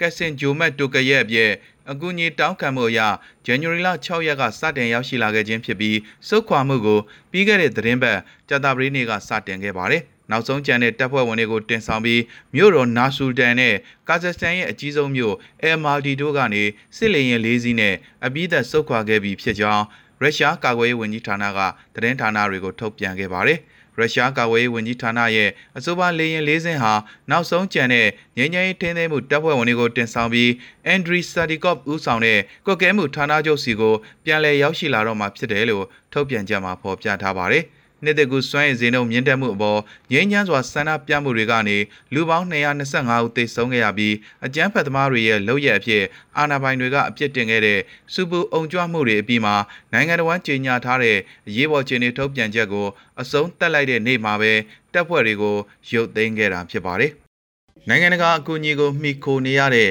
အာဖဂန်နစ္စတန်ဟာစီးပွားရေးပြိုလဲမှုနဲ့ရင်ဆိုင်နေရတဲ့အတွက်မွတ်စလင်နိုင်ငံများအနေနဲ့မိမိတို့အစိုးရကိုပထမဆုံးအသိမဲ့ပြုဖို့တာလီဘန်ဝန်ကြီးချုပ်ကဇန်နဝါရီလ19ရက်ဗုဒ္ဓနေ့ကတောင်းဆိုလိုက်ပါတယ်။ယနေ့ထိအောင်တာလီဘန်ကိုဘယ်နိုင်ငံကမှအသိမှတ်မပြုသေးဘဲ၎င်းတို့ရဲ့ပထမအာဏာရကာလအတွင်းမှာလူအခွင့်အရေးချိုးဖောက်မှုတွေအတွက်နာမည်ဆိုးနဲ့ကြော်ကြားတဲ့သဘောထားတင်းမာသူအစ္စလာမစ်တွေကိုအားလုံးကအကဲခတ်စောင့်ကြည့်နေကြပါတယ်။ အစ္စလာမစ်ရှာရီယာဥပဒေနဲ့အညီပုံမပျော့ပြောင်းတဲ့စီးမြင်တရက်ကိုဂရုပြုထားပေမဲ့ အာဏာရလာချိန်ကစပြီးအမျိုးသမီးတွေကိုအစိုးရအလုပ်တွေကဖယ်ထုတ်ထားသလိုမိန်းကလေးများအတွက်အလဲတန်းကျောင်းအများစုကိုပိတ်ထားပါတယ်။မွတ်စလင်နိုင်ငံတွေကဥဆောင်ပြီးကျွန်တော်တို့ကိုတရားဝင်အသိမဲ့ပြုဖို့တောင်းဆိုပါတယ်။ဒါမှသာမြန်မြန်ဆန်ဆန်ဖွံ့ဖြိုးတိုးတက်နိုင်မှာဖြစ်ပါတယ်လို့မိုဟာမက်ဟက်ဆန်ကနိုင်ငံရဲ့ဆိုးရွားတဲ့စီးပွားရေးအကျပ်တဲကိုဖြေရှင်းနိုင်ဖို့အတွက်ကပူးမှာပြုလုပ်တဲ့ညီလာခံမှာပြောကြားခဲ့ပါတယ်။တာလီဘန်တို့က ငြိမ်းချမ်းရေးနဲ့လုံခြုံရေးကိုပြန်လည်တည်ဆောက်ခြင်းအပြင်စီးပွားရေးလုပ်ငန်းများအတွက်လိုအပ်တဲ့အခြေအနေအလုံးကိုဖြည့်ဆည်းပေးထားကြောင်း၎င်းကပြောကြားခဲ့ပါတယ်။အာဖဂန်နစ္စတန်ဟာဩဂုတ်လအတွင်းကတာလီဘန်တို့သိမ်းပိုက်မှုကြောင့်နိုင်ငံတကာအကူအညီများရပ်ဆိုင်းလိုက်ခြင်းနဲ့ပြည်ပရှိဒေါ်လာဘီလီယံနဲ့ချီတဲ့ငွေကြေးပိုင်ဆိုင်မှုတွေကိုထိန်းချုပ်ခံထားရတဲ့အတွက်ပုံမဆိုးရွားလာတဲ့လူသားချင်းစာနာမှုဆိုင်ရာကပ်ဘေးနဲ့ရင်ဆိုင်နေရပါတယ်။ နိုင်ငံဟာရခိုင်အမေရိကန်ကြောတောင်နောက်ခံပြုအစိုးရလက်ထက်ကနိုင်ငံခြားအကူအညီတွေအပေါ်လုံလုံရရနှီးပါမိခိုနေခဲ့ရာကဩဂုတ်လနောက်ပိုင်းအလုတ်ကန်ရှားပါလာပြီးအစိုးရဝန်ထမ်းအများစုဟာလည်းလပေါင်းများစွာလစာမရပဲဖြစ်နေကြပါတယ်2021ခုနှစ်တတိယ3လပတ်အတွင်းမှာအာဖဂန်လူမျိုးတန်းတဝက်နီးပါးအလွတ်လက်မဲ့ဖြစ်ခဲ့ရကြောင်းအပြည်ပြည်ဆိုင်ရာအလို့သမားအဖွဲ့ချုပ်ကဗုဒ္ဓဦးနေ့မှာပြောကြားလိုက်ပြီးဒီအရေးအတွက်ဟာယခုနှစ်အလယ်ပိုင်းမှာ9သိန်းထိတိုးလာနိုင်ကြောင်းခန့်မှန်းထားပါတယ်။ စည်ရဲမွဲတွေမှုပုံမနှက်ဆိုင်လာကဒေသများစွာမှာမိုးကောင်ရေရှားမှုကြောင့်လေယာလုပ်ငန်းခွင်များပျက်စီးဆုံးရှုံးရခြင်းနဲ့အတူလူဦးရေ38တန်းရဲ့ထက်ဝက်နီးပါးဟာစားနပ်ရိက္ခာပြက်လက်မှုနဲ့ရင်ဆိုင်နေရကြောင်းကုလသမဂ္ဂကသတိပေးထားပါတယ်။နိုင်ငံတကာပိတ်ဆို့ရေးညူမှုများကိုချိုးဖောက်ခြင်းမရှိစေဘဲစိတ်ပြက်အားငယ်နေတဲ့အာဖဂန်လူမျိုးများထံကိုအကူအညီတချို့ပေးအပ်ဖို့အမေရိကန်ရဲ့အဆိုပြုချက်ကိုပြီးခဲ့တဲ့လလုံခြုံရေးကောင်စီမှာတညီတညွတ်တည်းထောက်ခံခဲ့ကြပါတယ်။ အလွန်ခက်ခဲကြမ်းတမ်းတဲ့ဆောင်းရာသီကာလအတွင်းမှာရန်မုံငွေတွေပုံမထုတ်ပေးဖို့လူအခွင့်အရေးအဖွဲ့များနဲ့ကူညီကယ်ဆယ်ရေးအေဂျင်စီတွေကအနောက်နိုင်ငံတွေကိုတောင်းဆိုထားပါတယ်။ကျွန်တော်တို့အခြေအနေကအမေရိကန်အပေါ်မူတည်နေပါတယ်။ပိတ်ဆို့မှုတွေကိုဖယ်ရှားပေးဖို့ဆုံးဖြတ်မှပဲပိုကောင်းလာမှာပါလို့ကပူးဈေးထဲမှာကုံစိမ်းရောင်းနေတဲ့ရဲအရာရှိဟောင်းမိုဟာမက်မိုကဒါနာဆာရီကဆိုပါတယ်။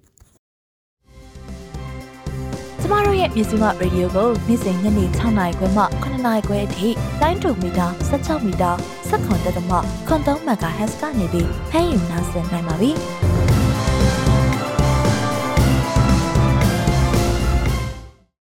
နားဆင်ခံစားဆောင်းပါးများအစီအစဉ်ကို တင်ဆက်ပေးမှာပါရှင်။ဆုပ်လဲစုစားလဲယူဆိုတဲ့ဆောင်းပါးကိုမမေယူကတင်ဆက်ထားပါတယ်။နားဆင်ပါရှင်။။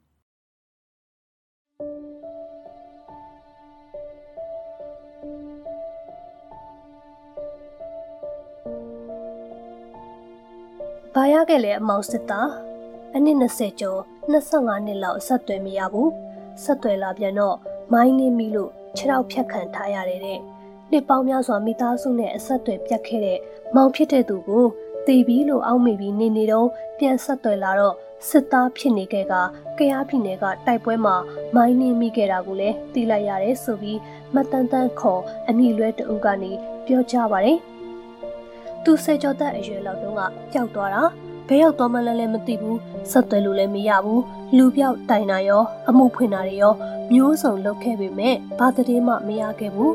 အမေဆိုတာသူ့သားကိုအမြဲမျှော်နေခဲ့တာသူဆုံးပါတဲ့အချိန်ထိပါပဲ။ အဲဒီနေ့20ကျော်သူတို့ကတော့မင်းမင်းရရှိသေးတယ်လေမင်းမင်းရှိသေးတယ်မင်း7မိနစ်ကြာမှမင်းမင်းရဆုံးတာလေအဲ့ဒါကိုပြန်မလာဘဲနဲ့နေတော့ကိုကမရှိတော့လို့နေတာပေါ့နောက်တော့အခု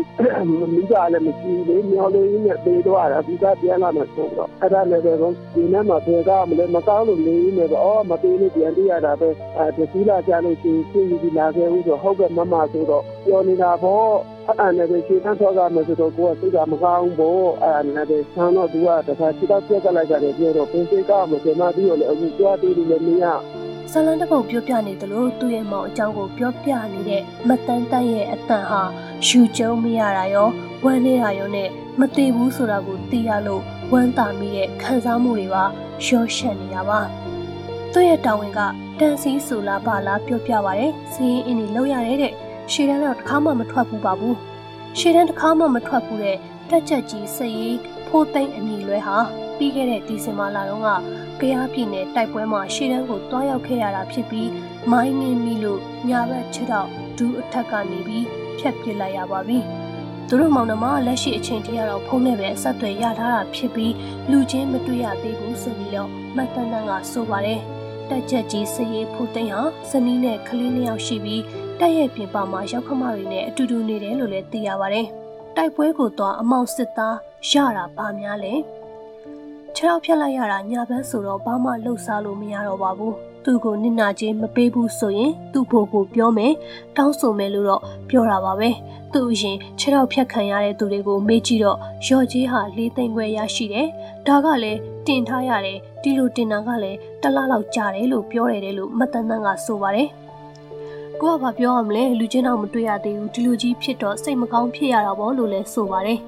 တကယ်တော့တိုက်ပွဲမှာကိုလက်အင်ကဆုံးရှုံးသွားတဲ့စစ်သားတွေကိုတက်ကစေကူတမှုတာပေးပါတယ်ရော်ကြီးနစ်နာကြီးဆိုတာမျိုးတစုံတရာရတာမျိုးမရှိပါဘူးကကရေလို့ခေါ်တဲ့စစ်ရေးချုပ်ရုံကတော့ကျန်9000နဲ့တသိန်းပေးတယ်လို့ဆိုပါတယ်ဒါမျိုးဟာလည်းချက်ချင်းရတာမျိုးမဟုတ်ပဲစီနီယာအလိုက်တန်းစီပြီးကို့အလဲရောက်မှသာရရှိတာမျိုးပါ စီဒီအမ်ဘူကြီးလင်းထက်အောင်ကကိုလက်အင်ကဆုံးရှုံးတဲ့သူတွေနစ်နာခြင်းမရဘူးစိတ်ကူတာခွင့်ပဲရှာပါတယ်စိတ်ကူတာမှုပြီးရင်ကိုလက်အင်ကဆုံးရှုံးထားတဲ့သူတွေကိုထားတဲ့တက်ရှိပါတယ်အဲ့ဒီမှာတာဝန်ပြန်ထမ်းဆောင်ရပါတယ်ပုံမှန်စစ်သားတွေလိုပဲလစာခံစားခွင့်ရရှိတယ်ဆိုပြီးတော့ပြောပြပါတယ်တက်ကနေထွက်ခွာခွင့်ရရင်တော့ကကရီက3သိန်းချက်ခန်းစားခွင့်ပြုတယ်လို့ဆိုပါတယ်။လစဉ်လစာကနေဖြတ်တောက်ခံထားရတဲ့အသက်အာမခံငွေတွေကတော့ သေဆုံးတဲ့သူတွေသာခံစားခွင့်ရရှိတာမျိုးပါတိုက်ပွဲမှာကြာဆုံးသွားတဲ့သူတွေကတော့သူတို့ရဲ့စစ်တပ်ပေါ်မူတည်ပြီးတော့ခံစားခွင့်ဥပိုင်ကအမျက်ငွေအသက်အာမခံငွေပြင်ဆင်လာစာကိုသူတို့ရဲ့မိသားစုကခံစားခွင့်ရရှိပါတယ်တက်ကိုစုခွာခွင့်ရပြီလား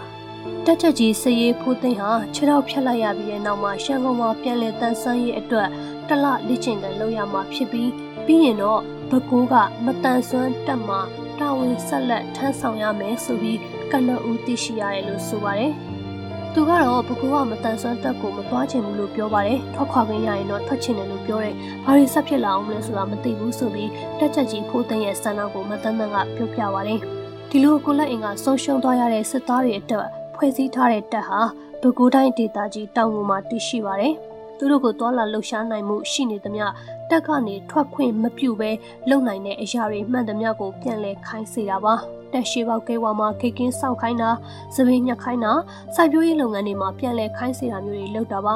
ထွက်ခွင့်တင်ထားရပြီးတက်ရဲ့ချင်းတွေပေါ်မူတည်လို့၄နှစ်၅နှစ်လောက်ကြာမှပဲထွက်ခွင့်ရတာမျိုးတွေရှိတယ်လို့လည်းဆိုပါတယ်စီတီအမ်ဘိုကြီးတဦးဖြစ်တဲ့ဘိုကြီးညီတူတာကတော့ဟုတ်တယ်အဲ့ဒီအခြာမျိုးကတော့ကျွန်တော်ကျွန်တော်လည်းဂျုံခဲ့ဘူးလေကျွန်တော်တို့နေရတက်မှာဆိုရင် ဒီလူပေါင်းပြတရားကြော်ကြော်လေးရှိတာပေါ့နော်တရားဘယ်လောက်190 180လောက်ရှိတဲ့ကြားထဲမှာအဲ့ဒီခုနခြေပြက်လက်ပြက်ခြေပြက်ပေါ့အဓိကလက်ပြက်ကရှားပါတယ်ခြေပြက်ကရောက်40လောက်ရှိတယ်အဲ့ရောက်40လောက်မှာအဲ့လိုထွက်ခွင့်ထွက်ခွင့်ကတချို့က2နှစ်တို့3နှစ်အဲ့ဒါပြီးမှထွက်ရတာကြီးတယ်တချို့ဆိုလို့ရှိရင်4နှစ်5နှစ်လောက်မှထွက်ရတာကြီးလည်းရှိတယ်တက်သားတဦးရဲ့ကျမ်းမာတန်ဆွမ်းမှုကိုစေးအဆင့်သတ်မှတ်ပေးထားပါတယ်။ ပုံမှန်လူကောင်းတအုပ်လိုမျိုးသွာလာလှုပ်ရှားနိုင်တဲ့သူရဲ့စေးအဆင့်ကကာကြီးဖြစ်ပြီးကိုလက်အင်ကတစ်ခုခုချွတ်ယွင်းမတန်ဆွမ်းရင်စေးအဆင့်ခါခွေကိုလက်အင်ကနှစ်ခုချွတ်ယွင်းရင်စေးအဆင့်ခငယ်အစရှိသလိုတန်ဆွမ်းမှုပေါ်မူတည်ပြီးစေးအဆင့်နှိမ်ပြီးတော့မှထွက်ခွာခွင့်ရရှိတာပါ။စစ်သားတအုပ်ကမတန်ဆွမ်းဖြစ်သွားပေမဲ့စေးအဆင့်ကိုနှိမ်ပေးတယ်ဆိုတာမျိုးတော့မရှိပါဘူးဒီလိုပဲအလွယ်တကူလည်းထွက်ခွင့်မပေးပါဘူးဘိုးကြီးလင်းထအောင်ကတက်တွင်းထွက်ခွာခွင့်နဲ့ပတ်သက်လို့ပြောပြပါတယ် မှန်တယ်ဗျအလွယ်တကူထွက်ခွင့်မရတော့ဘူးအလွယ်တကူထွက်ခွင့်မပေးရဘူးစီးစင်ဟိုဟာဖြစ်တယ်ဆိုလဲဒီလုံးဝအေးပေါ့နော်ကျွန်တော်တို့စီးစင်ကာကြီးကနေပြီးတော့ချလုံးဝဖာခွေးအဆင့်လောက်ကိုလုံးဝမရသေးဘူးဒီလူကသွားနိုင်လာနိုင်လှုပ်ရှားနိုင်တယ်ဆိုရင်စစ်တပ်ထဲမှာပဲပြန်ပြီးတော့တောင်းဝင်ထမ်းဆောင်နေရတယ်ပဲအဓိကတော့ထွက်အလွယ်တကူထွက်ခွင့်မပေးရဘူးအရင်ကစစ်တပ်မှာစေးပင်စင်ဆိုတာဟာ ငွေနဲ့လိုက်ပြီးရှူလို့ရပေမဲ့စစ်တပ်အာဏာသိမ်းပြီးတဲ့နောက်မှာတော့တက်ခနေထွက်ခွင်းဆိုတာဘလို့အကြောင်းပြချက်နေမှမပေးတော့ကြောင်းလက်ရှိတာဝန်ထမ်းဆောင်နေတဲ့ဗိုလ်တအုပ်ရဲ့စနစ်တွေကပြောကြားပါတယ်ဒီလိုမျိုးခြေပြက်လက်ပြက်ဆိုရင်တော့မှထွက်ခွင့်မပေးပဲခိုင်းလို့ရှားသလောက်ကိုလှုပ်ခိုင်းနေရပါကေဝမှာကင်းဆောင်တာဖြစ်ဖြစ်စင်းရင်အင်းလောက်တာဖြစ်ဖြစ်ခိုင်းလို့ရတဲ့နေရာမှန်သမျှမှာပြန်ပြီးခိုင်းဖို့ခွက်ခွင့်မပေးဘူးဖြစ်နေတယ်လို့လည်းသူကဆိုပါတယ် တက်တွင်းမှာခုလောလောဆယ်ကတော့ promotion ရှာဒူးတိုးတွေကိုပါဆိုင်းငံ့ထားပြီးစီရေးပိုင်းကိုပဲဦးစားပေးပြီးလုပ်ဆောင်နေကြရဲဆိုပြီးလည်းသူကပြောပါတယ်။သူမရဲ့အမျိုးသားဟာဆိုရင်လည်းအာနာမသိန်းငင်ကတင်းတန်းတက်ရပြီးတင်းတန်းစင်မှာကရှာဒူးတိုးမှာဆိုပေမဲ့လက်ရှိအချိန်ထိရှာဒူးမတိုးသေးဘူးလို့ဆိုပါတယ်။ပြီးတော့စစ်တပ်ကနေထွက်ချင်တာကိုလည်းထွက်ခွင့်မရဘူးဆိုပြီးလည်းသူမကဆက်လက်ပြောကြပါတယ်။တက်ရဲ့အင်အားပါဖြစ်နေပြီလေပုံမှန်ဆိုတက်ချက်ကြီးစည်ရေးဆိုတာမျိုးက တက်တွင်းရဲ့နောက်တန်းမှာအမြဲနေနေရတဲ့ရုံးဝင်နှန်းတွေပါဒီလိုရုံးဝင်နှန်းတွေဘာကြောင့်ရှေ့တန်းကိုထွက်တိုက်နေရတာပါလဲအမှန်တကယ်ဒီတက်ချက်ကြီးစည်ရေးလို့ဒီသူ့ဘာသူရုံးအလုပ်ပဲလုပ်တာမှာဖြစ်တယ်ရုံးကနေပြီးတော့ပဲဦးရီထောက်ရုံးပိုင်းဆိုင်ရာလုပ်ငန်းတွေပဲလုပ်မှာဖြစ်တယ်ဖွဲ့စည်းပုံအရတော့တက်ချက်ကြီးစည်တယောက်ပါတယ်ဒါပေမဲ့ဒီပြင်မှာတော့တမှုရဲ့လိုအပ်ချက်ရှိမှသာတက်ချက်ကြီးစည်ကိုရှေ့တန်းခေါ်ရတာဖြစ်တယ်ပေါ့နော်အခုအတိုင်းကျွန်တော်နားထောင်ကြည့်ရတဲ့ပုံစံရဆိုတော့အတက်ကအင်အားတော်တော်ကိုနည်းနေလို့ဒါတက်ချက်ကြီးစည်ကိုကခြေတန်းခေါ်တဲ့ပုံစံဖြစ်ပါလိမ့်မယ် ဗျ။ပူကြီးလင်ထက်အောင်ကပြောကြားသွားပါတယ်။စကိုင်းမကွေးကရင်နီကရကရင်ချင်းမုံကိုဒေသနဲ့ကချင်ပြည်နယ်တွေမှာစစ်မျက်နှာဖွင့်နေရတဲ့စစ်တပ်မှာနောက်တန်းအင်အားနှဲပါနေတယ်ဆိုပြီးလဲတပ်တွင်းသတင်းရှင်းမြစ်တွေကပြောကြားပါတယ်။ ပြီးခဲ့တဲ့ဩဂတ်လလောက်ထဲကစတင်လို့တပ်တွင်းမှာစစ်သားမယားတွေကိုတော့လက်နက်တပ်ဆင်ပေးထားတယ်လို့သိရပြီးနောက်ချန်အရန်အင်အားအနေနဲ့ကင်းဆောင်ခိုင်းတာတွေလေ့ကျင့်ရေးလုပ်ခိုင်းတာတွေပါရှိနေခဲ့ပါတယ်။အချို့တပ်တွေမှာဆိုရင်အရန်အင်အားဆိုပြီးအောင်တုံ့လုံထားတဲ့စစ်သားစနီးမယားတွေကိုပါနေရောညပါဂိတ်ကင်းအလဲကျကင်းစောင့်ဆိုင်ခိုင်းနေတယ်ဆိုပြီးလည်းသိရပါတယ်။အောက်ခြေတပ်တွေမှာတော့အင်အားအရန်နဲနေပြီးအင်အားစရင်အထက်ကိုတင်ပြရမှာဖွဲ့စည်းပုံမပြည့်တော့လို့ ကြာဆုံးစစ်တီတွေကိုခွင့်မဲ့လုပ်သွားတယ်ဆိုပြီးတော့တင်ပြနေရတယ်လို့ကြားသိရကြောင်းဘူကြီးလင်းထအောင်ကပြောကြားပါတယ်။တိုက်ပွဲတွေမှာတိုက်ဆုံမှုတွေမြို့ပြတွေမှာဘုံခွဲတိုက်ခိုက်ခံရမှုတွေကြောင့်တပ်တွင်းအင်အားဟာနေ့စဉ်နဲ့အမျှလျှော့နေလာနေရတယ်လို့လည်းဆိုပါတယ်။ပြီးခဲ့တဲ့ဇန်နဝါရီလ9ရက်နေ့ကပဲစစ်သား3ဦးဟာလက်နက်တွေနဲ့အတူ KNU တပ်မဟာ9ထံကိုလက်နက်ချအလင်းဝင်သွားခဲ့ပါတယ်။ အာဏာသိမ်းပြီးချိန်ကစတင်လို့ဒီအချိန်ထိကိုအကြမ်းမဖက်အာဏာဖီဆန်ရေးစီရီယံမှာပါဝင်လာတဲ့ရဲနဲ့စစ်သည်စုစုပေါင်း8000ကျော်ရှိနေပြီးစစ်သား2000ကျော်ပါဝင်တယ်ဆိုပြီးလဲပြည်သူ့ရင်ခွင်အဖွဲ့ထံကသိရပါတယ်။အခုဒီတက်ကိုမစွန့်ခွာနိုင်တဲ့စစ်သားတွေကိုလည်းဗိုလ်ကြီးလင်းထအောင်ကအခုလိုမျိုးတိုက်တွန်းထားပါတယ်။ဒီတရားသပြိုကွဲနေတဲ့စစ်တပ်ထဲမှာအဆုံးအထိတော့ကျွန်တော်ကတော့သူတို့မနေသေးဘူး။တက်နိုင်တယ်ဗျာ။ဘောနော်ဒီတော်လိုင်းတပ်ဖွဲ့တွေစီလက်နက်ချအညံ့ခံပါလို့ကျွန်တော်ကတော့ပြောချင်တယ်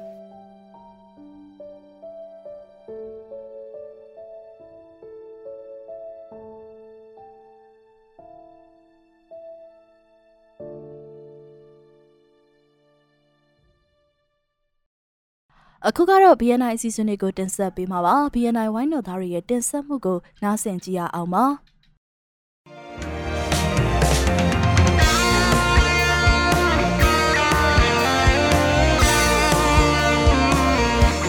ရှင်နိုင်ငံတကာမြန်မာသတင်း BNI ရဲ့ဒီကနေ့ဇန်နဝါရီလ22ရက်နေ့အတန်လွဲ့အစီအစဉ်တွေကိုစတင်နေပါပြီ။ဒီအစီအစဉ်ကတော့တိုင်းသားဒေသတွေတဲကသတင်းတွေ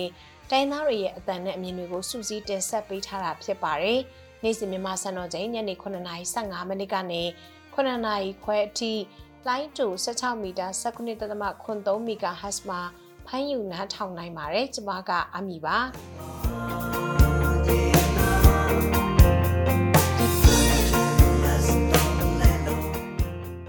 နေ့မှာကြားကြရမယ့်သတင်းတွေကတော့ရခိုင်ပြည်နယ်မြောက်ပိုင်းကကျောင်းတွေမှာရခိုင်တပ်တော် AA ကိုထောက်ခံတဲ့အနေနဲ့ကျောင်းသားတွေကရခိုင်အလံကိုထောင်ပြီး အာရခနိုင်ငံတော်တချင်းကိုတီးဆိုနေကြပါတယ်။ဖအံမြို့မှာတော့လူငယ်9ဦးကိုရဲကဖမ်းဆီးသွားပါတယ်။စစ်ကောင်စီတပ်ကဓာတ်ငွေပိုက်လိုင်းတစ်လျှောက်မှာမိုင်းထောင်ထားတဲ့အတွက်တီဘောဒေတာခံတွေလောက်ကင်စားတော့ဖို့အခက်တွေ့နေကြရပါတယ်။သတင်းတွေကိုတော့ကျွန်မနဲ့အတူဆိုင်းမွန်းကနေတင်ဆက်ပြီးသွားမှာပါရှင်။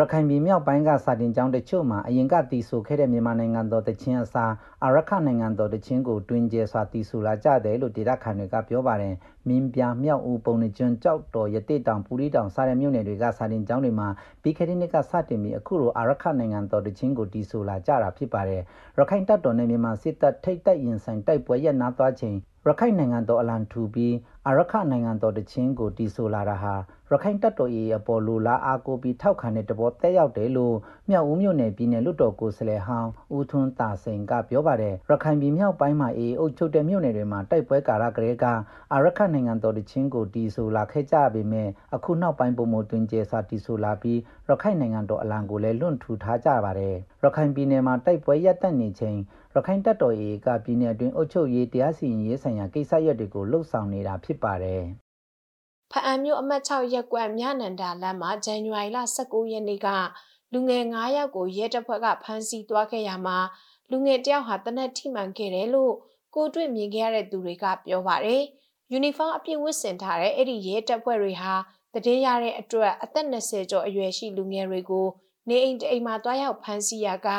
ထွက်ပြေးသွားတဲ့အတွက်တဦးဟာပြစ်ခတ်ခံရခြင်းဖြစ်ပြီးတော့မိနစ်ပိုင်းအတွင်းမှာပဲစစ်ကားတွေထပ်မံရောက်ရှိလာတယ်လို့ရက်ကွက်နေပြည်သူတွေကပြောပါတယ်။တနက်ပြစ်ခတ်ခံရသူလူငယ်ရဲ့ဝမ်းပိုက်ညာဘက်ဘေးမှာကြည်ထိမှန်သွားခဲ့ပါတယ်။ဒါအပြင်ကြံလူငယ်၄ယောက်ကိုပါထပ်မံဖမ်းဆီးခဲ့ပြီးတော့ဖအံမျိုးမရဲစခန်းမှာထိန်းသိမ်းထားတယ်လို့မိသားစုဝင်တွေကပြောပါတယ်။ဒီလူငယ်တွေဟာတငယ်ချင်းတွေဖြစ်ကြပြီးတော့နေအိမ်တအိမ်မှာအတူရှိနေကြစဉ်စစ်ကောင်စီတည်င်းပေးတွေရဲ့တိုင်ကြားမှုကြောင့် ရဲတပ်ဖွဲ့ဝင်တွေကအင်အားသုံးပြီးတော့ဖမ်းဆီးခဲ့တာဖြစ်ပါတယ်။အခုရက်ပိုင်းမှာတော့ဖအံမျိုးမှာရှိတဲ့ရက်ွက်တွေထဲမှာညအချိန်အဲဇင်းလိုက်လံစစ်ဆေးမှုတွေရှိနေတယ်လို့လည်းသိရပါတယ်ရှင်။ DNA Radio ကသတင်းတွေကိုတင်ဆက်ပေးနေတာဖြစ်ပါတယ်။နေ့စဉ်မြန်မာစံတော်ချိန်ညနေ9:15မိနစ်ကနေ9:00ခွဲအထိလိုင်းတူ16မီတာ19.3 MHz မှာဖမ်းယူနားထောင်နိုင်ပါတယ်။ စစ်ကောင်စီကရက်သားပြည်သူတွေကိုတိုက်လေရင်တွေနဲ့အလုံးအရင်တိုက်ခိုက်နေရတဲ့ရန်ကနေကာကွယ်နိုင်ဖို့လူသားချင်းစာနာထောက်ထားမှုအကူအညီပံ့ပိုးနိုင်ဖို့ကုလသမဂ္ဂအာဆီယံနဲ့နိုင်ငံတကာအတိုင်းဝိုင်းကိုတိုင်းရင်းသားလက်နက်ကိုင်အဖွဲ့အစည်း၃ဖွဲ့ကတောင်းဆိုလိုက်ပါတယ်။ဇန်နဝါရီလ20ရက်နေ့ကဂရီနီယမျိုးသားတိုးတက်ရေးပါတီ KNPP ကရင်မျိုးသားအစည်းအရုံး KNU နဲ့ချင်းမျိုးသားတပ်ဦး CNF တို့ကပူးတွဲတောင်းဆိုလိုက်တာဖြစ်ပါတယ်။ ဇန်နဝါရီလ23ရက်နေ့ကလက်ရှိအာဆီယံဥက္ကဋ္ဌနေရာယူထားတဲ့ကမ္ဘောဒီးယားနိုင်ငံဝန်ကြီးချုပ်ဟွန်ဆန်နဲ့အထူးတန်ကိုယ်စားလှယ်တို့အကြားဆွေးနွေးချက်နဲ့ဆက်လင်းပြီးကုလသမဂ္ဂထွေထွေတွင်းရေးမှူးချုပ်ရဲ့အထူးတန်ကိုယ်စားလှယ်ရုံးကကြေညာချက်တစ်စောင်ထုတ်ပြန်ခဲ့ပါတယ်။အထူးတန်ကိုယ်စားလှယ်ရုံးရဲ့ထုတ်ပြန်ကြေညာချက်မှာမြန်မာနိုင်ငံမှာလူသားချင်းစာနာထောက်ထားမှုအကူအညီအရေးတကြီးပေးပို့နိုင်ဖို့အတွက်အထူးတန်ကိုယ်စားလှယ်ကအဆိုပြုတဲ့နိုင်ငံတကာလူသားချင်းစာနာထောက်ထားမှုအပြင် humanitarian plus ချင်းကမှုနီလန်းကိုလည်းညွှန်းဆိုထားပါတယ်။ ဒါကြောင့်အာနာသိန်းချိန်ကနိုင်ငံတော်ဝန်မှာမြင့်တက်လာတဲ့အကြမ်းဖက်မှုတွေကြောင့်လူသားချင်းစာနာထောက်ထားမှုအကူအညီတွေမြန်မာနိုင်ငံမှာလိုအပ်နေတာကြောင့်တိုင်းရင်တာလက်နက်ကိုင်အဖွဲ့တုံးဖွဲ့နဲ့အထူးတန်ကိုယ်စားလှယ်ရဲ့အဆိုပြုချက်ကိုတိုင်းရင်တာလက်နက်ကိုင်အဖွဲ့တုံးဖွဲ့အနေနဲ့အထူးတန်ကိုယ်စားလှယ်အဆိုပြုချက်ကိုထောက်ခံတောင်းဆိုလိုက်ကြတာဖြစ်ပါတယ်။တောင်းဆိုချက်ထဲမှာလူသားချင်းစာနာထောက်ထားမှုအကူအညီအရေးတကြီးလိုအပ်လျက်ရှိတဲ့နေရာတွေဖြစ်တဲ့မြန်မာနိုင်ငံတွင်းပိုင်းရှိချင်းကချင်ကရင်ကရင်နီရှမ်းစကိုင်းနဲ့မကွေးဒေတာရှိပြည်သူတွေထံအကူအညီရောက်ရှိဖို့ဆောင်ရွက်ဖို့လိုအပ်တယ်လို့လည်းဆိုပါတယ်။တပြည်မြန်မာနိုင်ငံမှာစီရေးအရလေရင်မပြန်တမ်းရဆုံးကြေညာပြီးလိုက်နာမှုရှိစေဖို့နိုင်ငံတကာကနေတာဝန်ယူဆောင်ကျပ်ပေးဖို့နိုင်ငံတကာအာမခံမှုနဲ့အယက်သားပြည်သူတွေအတွက်အကာအကွယ်ပေးအပ်တဲ့လုံခြုံတဲ့နေရာတတ်မှတ်ပေးဖို့တိုက်တွန်းထားပါတယ်။စကိုင်းတိုင်းကတာမျိုးအတွင်းကနေပြီးခဲ့တဲ့အောက်တိုဘာလ10ရက်နေ့ညကဖမ်းဆီးခံခဲ့ရတဲ့ဈေးတဲ့9ဦးအနက်အီးတိန်ရွှေဆိုင်ပိုင်ရှင်ဦးစိုးတင့်ကို PDF နဲ့ချိတ်ဆက်တယ်ဆိုပြီးတော့ ဇန်နဝါရီလ18ရက်နေ့မှာပဲစစ်ကောင်စီတပ်ကသူ့ရဲ့ရွှေဆိုင်ကိုလာရောက်ချိတ်ပိတ်သွားပါတယ်။လက်ရှိအချိန်ထိတရားမှလွတ်မြောက်လာခြင်းမရှိသေးပဲအမတ်တရဲစခန်းမှာစစ်ဆေးမေးမြန်းခံရဆဲဖြစ်တယ်လို့လည်းနီးစပ်ရာဒေသခံတယောက်ကပြောပါတယ်။အီးတိန်ရွှေဆိုင်ပိုင်ရှင်နဲ့အတူဖမ်းဆီးခံရတဲ့သူတွေကတော့စိန်လိုင်ကိတ်ဆိုင်ကတယောက်ကိုအီးတိန်ရွှေဆိုင်ကတယောက်ဥကိုကြီးအိမ်ဆောက်ပစ္စည်းအယောင်းဆိုင်ကတယောက်ရန်ဆေးဆိုင်ကတယောက် စိန်ဆန်းမြင့်ငါးပွဲယုံကတယောက်လိုင်းစာပေကတယောက်လင်းယုံစာပေကတယောက်နဲ့မြို့မမုံတိုက်ဘေးမှာရှိတဲ့လေယာပစ္စည်းအယောင်းဆိုင်ကတယောက်တို့ဖြစ်ကြပါတယ်လက်ရှိကတာမြို့မှာစစ်ကောင်စီတပ်ကလမ်းစုံလမ်းကြားတိုင်း CCTV တက်ဖို့တိုးချက်ဆောင်ရွက်နေတယ်လို့လည်းဒေသခံတွေကပြောပါတယ်စကိုင်းတိုင်းကတာမြို့နယ်အတွင်းမှာရှိတဲ့ကျေးရွာတွေမှာတော့ဇန်နဝါရီလအတွင်းဒေသခံကာကွယ်ရေးတပ်နဲ့စစ်ကောင်စီတပ်ဖွဲ့တို့အကြား ထိတွေ့တိုက်ပွဲ၁၀ကြိမ်ထက်မနည်းရှိလာနေပြီဖြစ်ပါတယ်။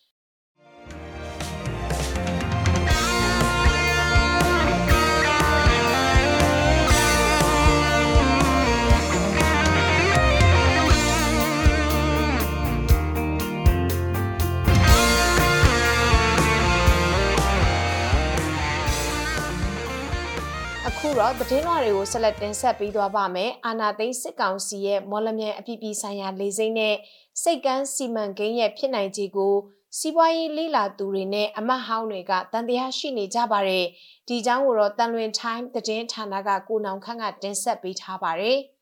။မော်ရမြိုင်မြို့အနီးမှာနိုင်ငံတကာအဆင့်မီအပြည်ပြည်ဆိုင်ရာနေစိမ့်နဲ့စိတ်ကန်းတစ်ခုတည်ဆောက်ဖို့အတွက်ကော်မတီတရက်ကိုဒီဇင်ဘာ10ရက်နေ့မှာဖွဲ့စည်းလိုက်တယ်လို့ စစ်ကောင်စီကထုတ်ပြန်ထားပါတယ်။အဲ့ဒီအကောင့်ထဲပေါ်ရေးကြည်ကြက်မှုဗဟိုကော်မတီကိုစစ်ကောင်စီကပြည်ထောင်စုဝန်ကြီးတွေနဲ့ဖွဲ့စည်းခဲ့တာပါ။ဒါအပြင်အဲ့ဒီကော်မတီအနေနဲ့စီမံကိန်းရထားချက်တမန်ကာလအတွင်းပြီးစီးဖို့လိုအပ်တဲ့မူဝါဒတွေချမှတ်သွားဖို့နဲ့လုပ်ငန်းကော်မတီတွေဖွဲ့စည်းဖို့ကိုလည်းစစ်ကောင်စီကညွှန်ကြားထားပါတယ်။စစ်ကောင်စီနှစ်ထပ်မှာနိုင်ငံတွင်းမှာရင်းနှီးမြှုပ်နှံနေတဲ့ကုမ္ပဏီအများစုထွက်ခွာနေတဲ့အတွက်ကြောင့် အခုစီမံကိန်းဟာလုံးဝမဖြစ်နိုင်တဲ့လို့ပြည်သူတွေအပေါ်မျှော်လင့်ချက်အမှားပေးတာဖြစ်တယ်လို့လွှတ်တော်ကိုယ်စားလှယ်ဟောင်းတဦးကအခုလိုဝေဖန်ပြောဆိုလိုက်ပါတယ်မမဖြစ်နိုင်ဘာကြောင့်လဲဆိုခန္ဓာဝီရွဲနေရာပို့ပြီးချက်ချကြတယ်အဲ့အဲ့ဒါတော့မလုပ်နိုင်တဲ့ဒီ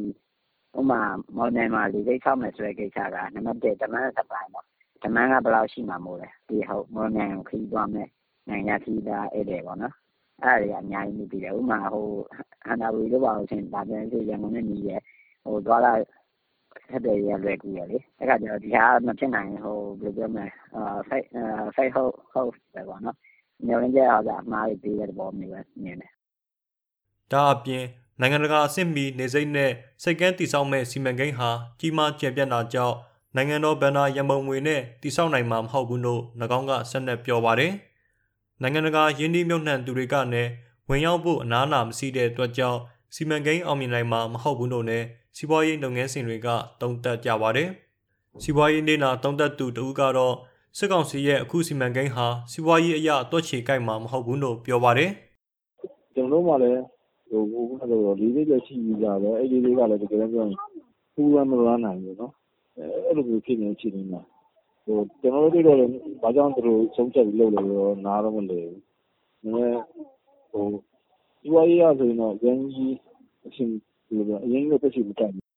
ဒါအပြင် စစ်ကောင်စီက စီမံကိန်းကြောင်းပြချက်နဲ့ မြေယာ နှစ်ဦးရယူမှုတွေလှုပ်ဆောင်လာနိုင်တာကြောင့် ပြည်သူတွေအနေနဲ့ မိမိတို့ပိုင်ဆိုင်မှု အထောက်အထားတွေကိုတင်ဆက်ထားကြဖို့ကိုလည်း၎င်းက တိုက်တွန်းလိုက်ပါတယ်။ဒီစီမံကိန်းဟာ2019ခုနှစ် အရင်ဆိုးဝါးနှစ်ထပ်မှာ ရေးဆွဲခဲ့တာဖြစ်ပြီး အစိုးရနဲ့ပုံရိကဖက်ဆက်လုပ်သွားမယ်ဆိုပြီးရင်းနှီးမြှုပ်နှံမှုတွေကိုခေါ်ယူခဲ့ပါတယ်။မော်ရမြိုင်နေစိတ်အဆင့်မြင့်တင်ရေးပထမအဆင့်မှာတော့ American ဒေါ်လာ30ရထားချက်လုပ်ထားတယ်လို့သတင်းတွေမှာဖော်ပြခဲ့ပါတယ်။ဒုတိယအဆင့်မှာတော့နိုင်ငံတကာနေစိတ်အဆင့်ဖြစ်လာရေးလုပ်ငန်းစဉ်တွေပါဝင်နေပါတယ်။အဲ့ဒီချိန်မှာတော့မွန်ပြည်နယ်ဆိုရက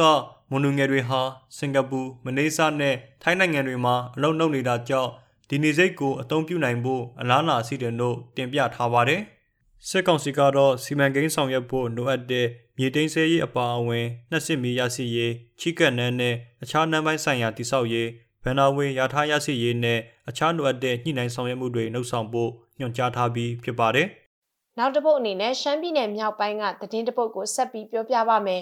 ရှမ်းပြည်နယ်မြောက်ပိုင်းဒေသအတွင်းဓာငွေပိုက်လိုင်းရှိရာအနီးတစ်ဝိုက်မှာစစ်ကောင်စီတပ်ကမြေမြုပ်မိုင်းတွေထောင်ထားတာကြောင့်ဒေသခံ1800ကျော်အသက်မွေးဝမ်းကြောင်းလုပ်ငန်းတွေလုပ်ကိုင်ဖို့အခက်တွေ့နေကြရတယ်လို့ဒေသခံတွေကပြောပါတယ်။ဒီအကြောင်းကိုတော့စောပွေးကနေတင်ဆက်ပေးထားပါတယ်ရှင်။မန္တလေးလာရှိုပြည်ထောင်စုလမ်းမကြီးဘေးတီဘောမြို့နယ်အပိုင်းမှာရှိနေတဲ့တရုတ်ရင်နံနဲ့ gas pipeline ထိန်းချုပ်ဆက်ရုံနဲ့ pipeline တစ်လျှောက်မှာစစ်ကောင်စီက 2021ခုနှစ်နှစ်ကုန်ပိုင်းပြီးခဲ့တဲ့နှစ်လလောက်ကစပြီးမြေမြုပ်မိုင်းတွေထောင်ထားတယ်လို့ရှမ်းလူခွင့်ရေးမှန်နိုင်ဖွဲ့ကပြောပါတယ်။ရှမ်းလူခွင့်ရေးမှန်နိုင်အဖွဲ့ပြောရေးဆိုခွင့်ရှိသူစိုင်းဆန်လွယ်ကအဲ့နေရတဝိုက်ကဟွာ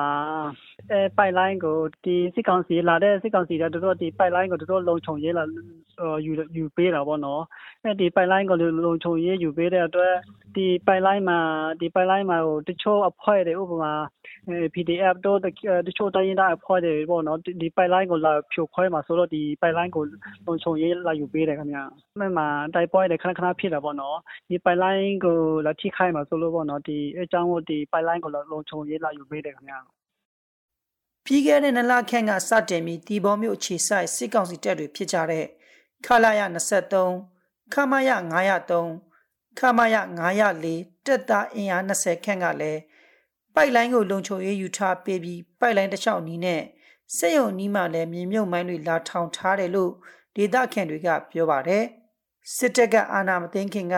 ဒီလိုမျိုးလုံခြုံရေးယူပေးတာမျိုးတစုံတရာမရှိခဲ့ဘူးလို့ရွာသားတွေကပြောပါတယ်ဆိုင်းဆန်လွယ်က ဒေသခံတွေကြုံတွေ့နေရတဲ့အခက်အခဲနဲ့ပတ်သက်ပြီးနေရာမှာအဲဟိုရာဒီယိုတော်လိုင်းပေါ့နော်ဒီမှာအဲဆန်စပါးတွေပါစိုက်တယ်ပြီးရင်ဟိုဟီတင်းရော်တွေစိုက်တယ်ပေါ့နော်ဒီတို့တို့ဒီစစ်ကောင်စီကဒီ မိမမိုင်းထောင်ထားထောင်ထားတဲ့နေရာကဟိုဒေသခံတွေတို့တို့အဲတော့ထဲမှာထင်းခုတ်ထင်းတွေတော့ပါတော့ခုတ်တယ်တော့ရတဲ့ဆိုင်တော့လိုက်ဘာညာပေါ့နော်အခုကဒီမိမြုံမိုင်းတွေလာလာအဲဒီစစ်ကောင်စီကလေမိမြုံမိုင်းလာမြုပ်ထားဆိုတော့တို့အဲ့နေရာမှာလည်းမတွားရဲတော့ဘူးပေါ့အခုကဒီထိခိုက်တာကတော့တို့တို့ကဒီနေရာမှာလည်းဘာမှတွားလို့သားဟိုတာပါတော့မရဲတော့မတွားရဲတော့ဘူးပေါ့နော်ဒီလိုဖြစ်နေတာခင်ဗျနောက်ကင်စားတော့ဖို့တော့ဒီ အခုကအဲ့နေရာမှာတော်တော်လုံးဝမတွားရဲတော့ဘူးခင်ဗျစစ်ကောင်စီတပ်သားတွေအဲ့ဒီနေရာနီးတွိုက်မှာလုံခြုံရေးယူထားတဲ့အတွက်ဒေသအတွင်းမှာလှုပ်ရှားနေတဲ့တိုင်းသားလက်နက်ကိုင်အဖွဲ့တွေနဲ့တိုက်ပွဲတွေဖြစ်ပွားလာမှာကိုဒေသခံတွေကစိုးရိမ်နေကြပြီးမြေမြုပ်မိုင်းထိခိုက်ပောက်ကွဲမှုတွေကြောင့်အသက်အန္တရာယ်ထိခိုက်မဲ့အခြေအနေနဲ့စိုက်ပျိုးရေးလုပ်ငန်းတွေထိခိုက်မှာကိုလည်းစိုးရိမ်နေကြပါတယ်ကျွန်တော်တို့တောင်းဆိုချင်တာတောင်းဆိုချင်တာကတော့ ဒီဒီရဒီရတာတွေလှုပ်ရှားတဲ့နေရာပေါ့နော်ဒီဥပမာချမ်းမီနေရာမှာဒီလိုဒီဒီလိုနေရာမှာမင်းမြုံမနေပါညာတွေမလှုပ်ဖို့ပေါ့နော်ဒီပြီးတော့ဟိုနေရာတစ်ဝိုင်းဟိုဟာကြေးရွာနေရာတစ်ဝိုင်းမှာလည်းတိုက်ပွဲတွေမဖြစ်ဖို့ပေါ့နော်ကျွန်တော်ကျွန်တော်တို့ဒီဒီမှာတောင်းဆိုချင်တယ်ခင်ဗျလက်ရှိမှာတီဘောမြို့နယ်ချောင်းချောက်ကျွော်အုပ်စုထက်ကနောင်လင်း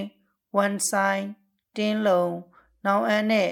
ချောင်းချောက်ရွာကဒေသခံရွာသား1800လောက်အတွက် အသက်မွေးဝမ်းကြောင်းဆိုင်ရာလုပ်ငန်းတွေအခက်အခဲကြုံတွေ့နေရပါတယ်။ပြီးခဲ့တဲ့ရက်သက်တစ်ပတ်ဖြစ်တဲ့ဇန်နဝါရီလပထမပတ်ကနေဒုတိယပတ်အကြားမှာလဲတီဘောမြို့နယ်နောင်အန်းရွာကရင်နံနဲ့ဓာတ်ငွေစေုံနားမှာလက်နက်ကြီးလက်နက်ငယ်ပစ်ခတ်တဲ့တွေကြားခဲ့ရပြီးပိုက်လိုင်း area နားတွိုက်လဲလက်နက်ကြီးကြီးချိုကြားရောက်ခဲ့တယ်လို့ရွာသားတွေကပြောပါတယ်။တီဘောမြို့နယ်အတွင်းစစ်ကောင်စီတပ်ဖွဲ့ဝင်တွေအပြင်တိုင်းသားလက်နက်ကိုင်တွေဖြစ်ကြတဲ့ တအမျိုးသားလူမျိုးရေးတပ်မတော် PSLF TNL ရှမ်းပြည်တိုးတက်ရေးပါတီ SSPP SSA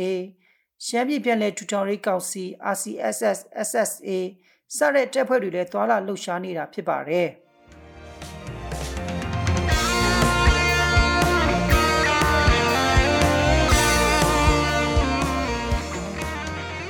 အခုနားဆင်ခဲ့ကြရတာကတော့ BNI Radio ကနေ့စဉ်သတင်းအစီအစဉ်ပဲဖြစ်ပါတယ်။ ဒီအစီအစဉ်ကိုနေ့စဉ်မြန်မာစံတော်ချိန်ညနေ9:15မိနစ်ကနေ9:00ခွဲအထိ15မိနစ်ကြာထုတ်လွှင့်နေတာဖြစ်ပါတယ်။နားဆင်ပေးတဲ့အတွက်ကျေးဇူးတင်ပါတယ်ရှင်။ကျွန်မကအမီပါ။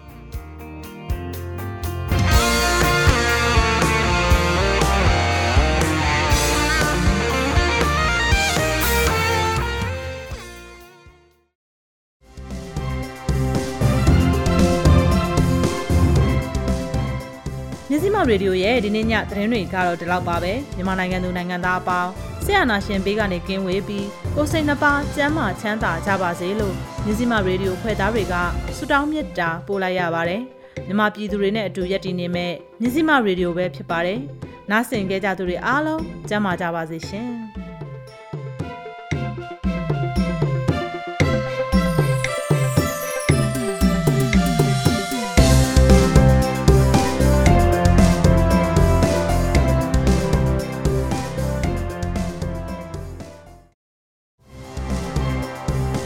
ကျမတို့ရဲ့မြစီမရေဒီယိုကိုနေ့စဉ်ည6နာရီခွဲမှည9နာရီခွဲထိလိုင်းဒိုမီတာ16မီတာ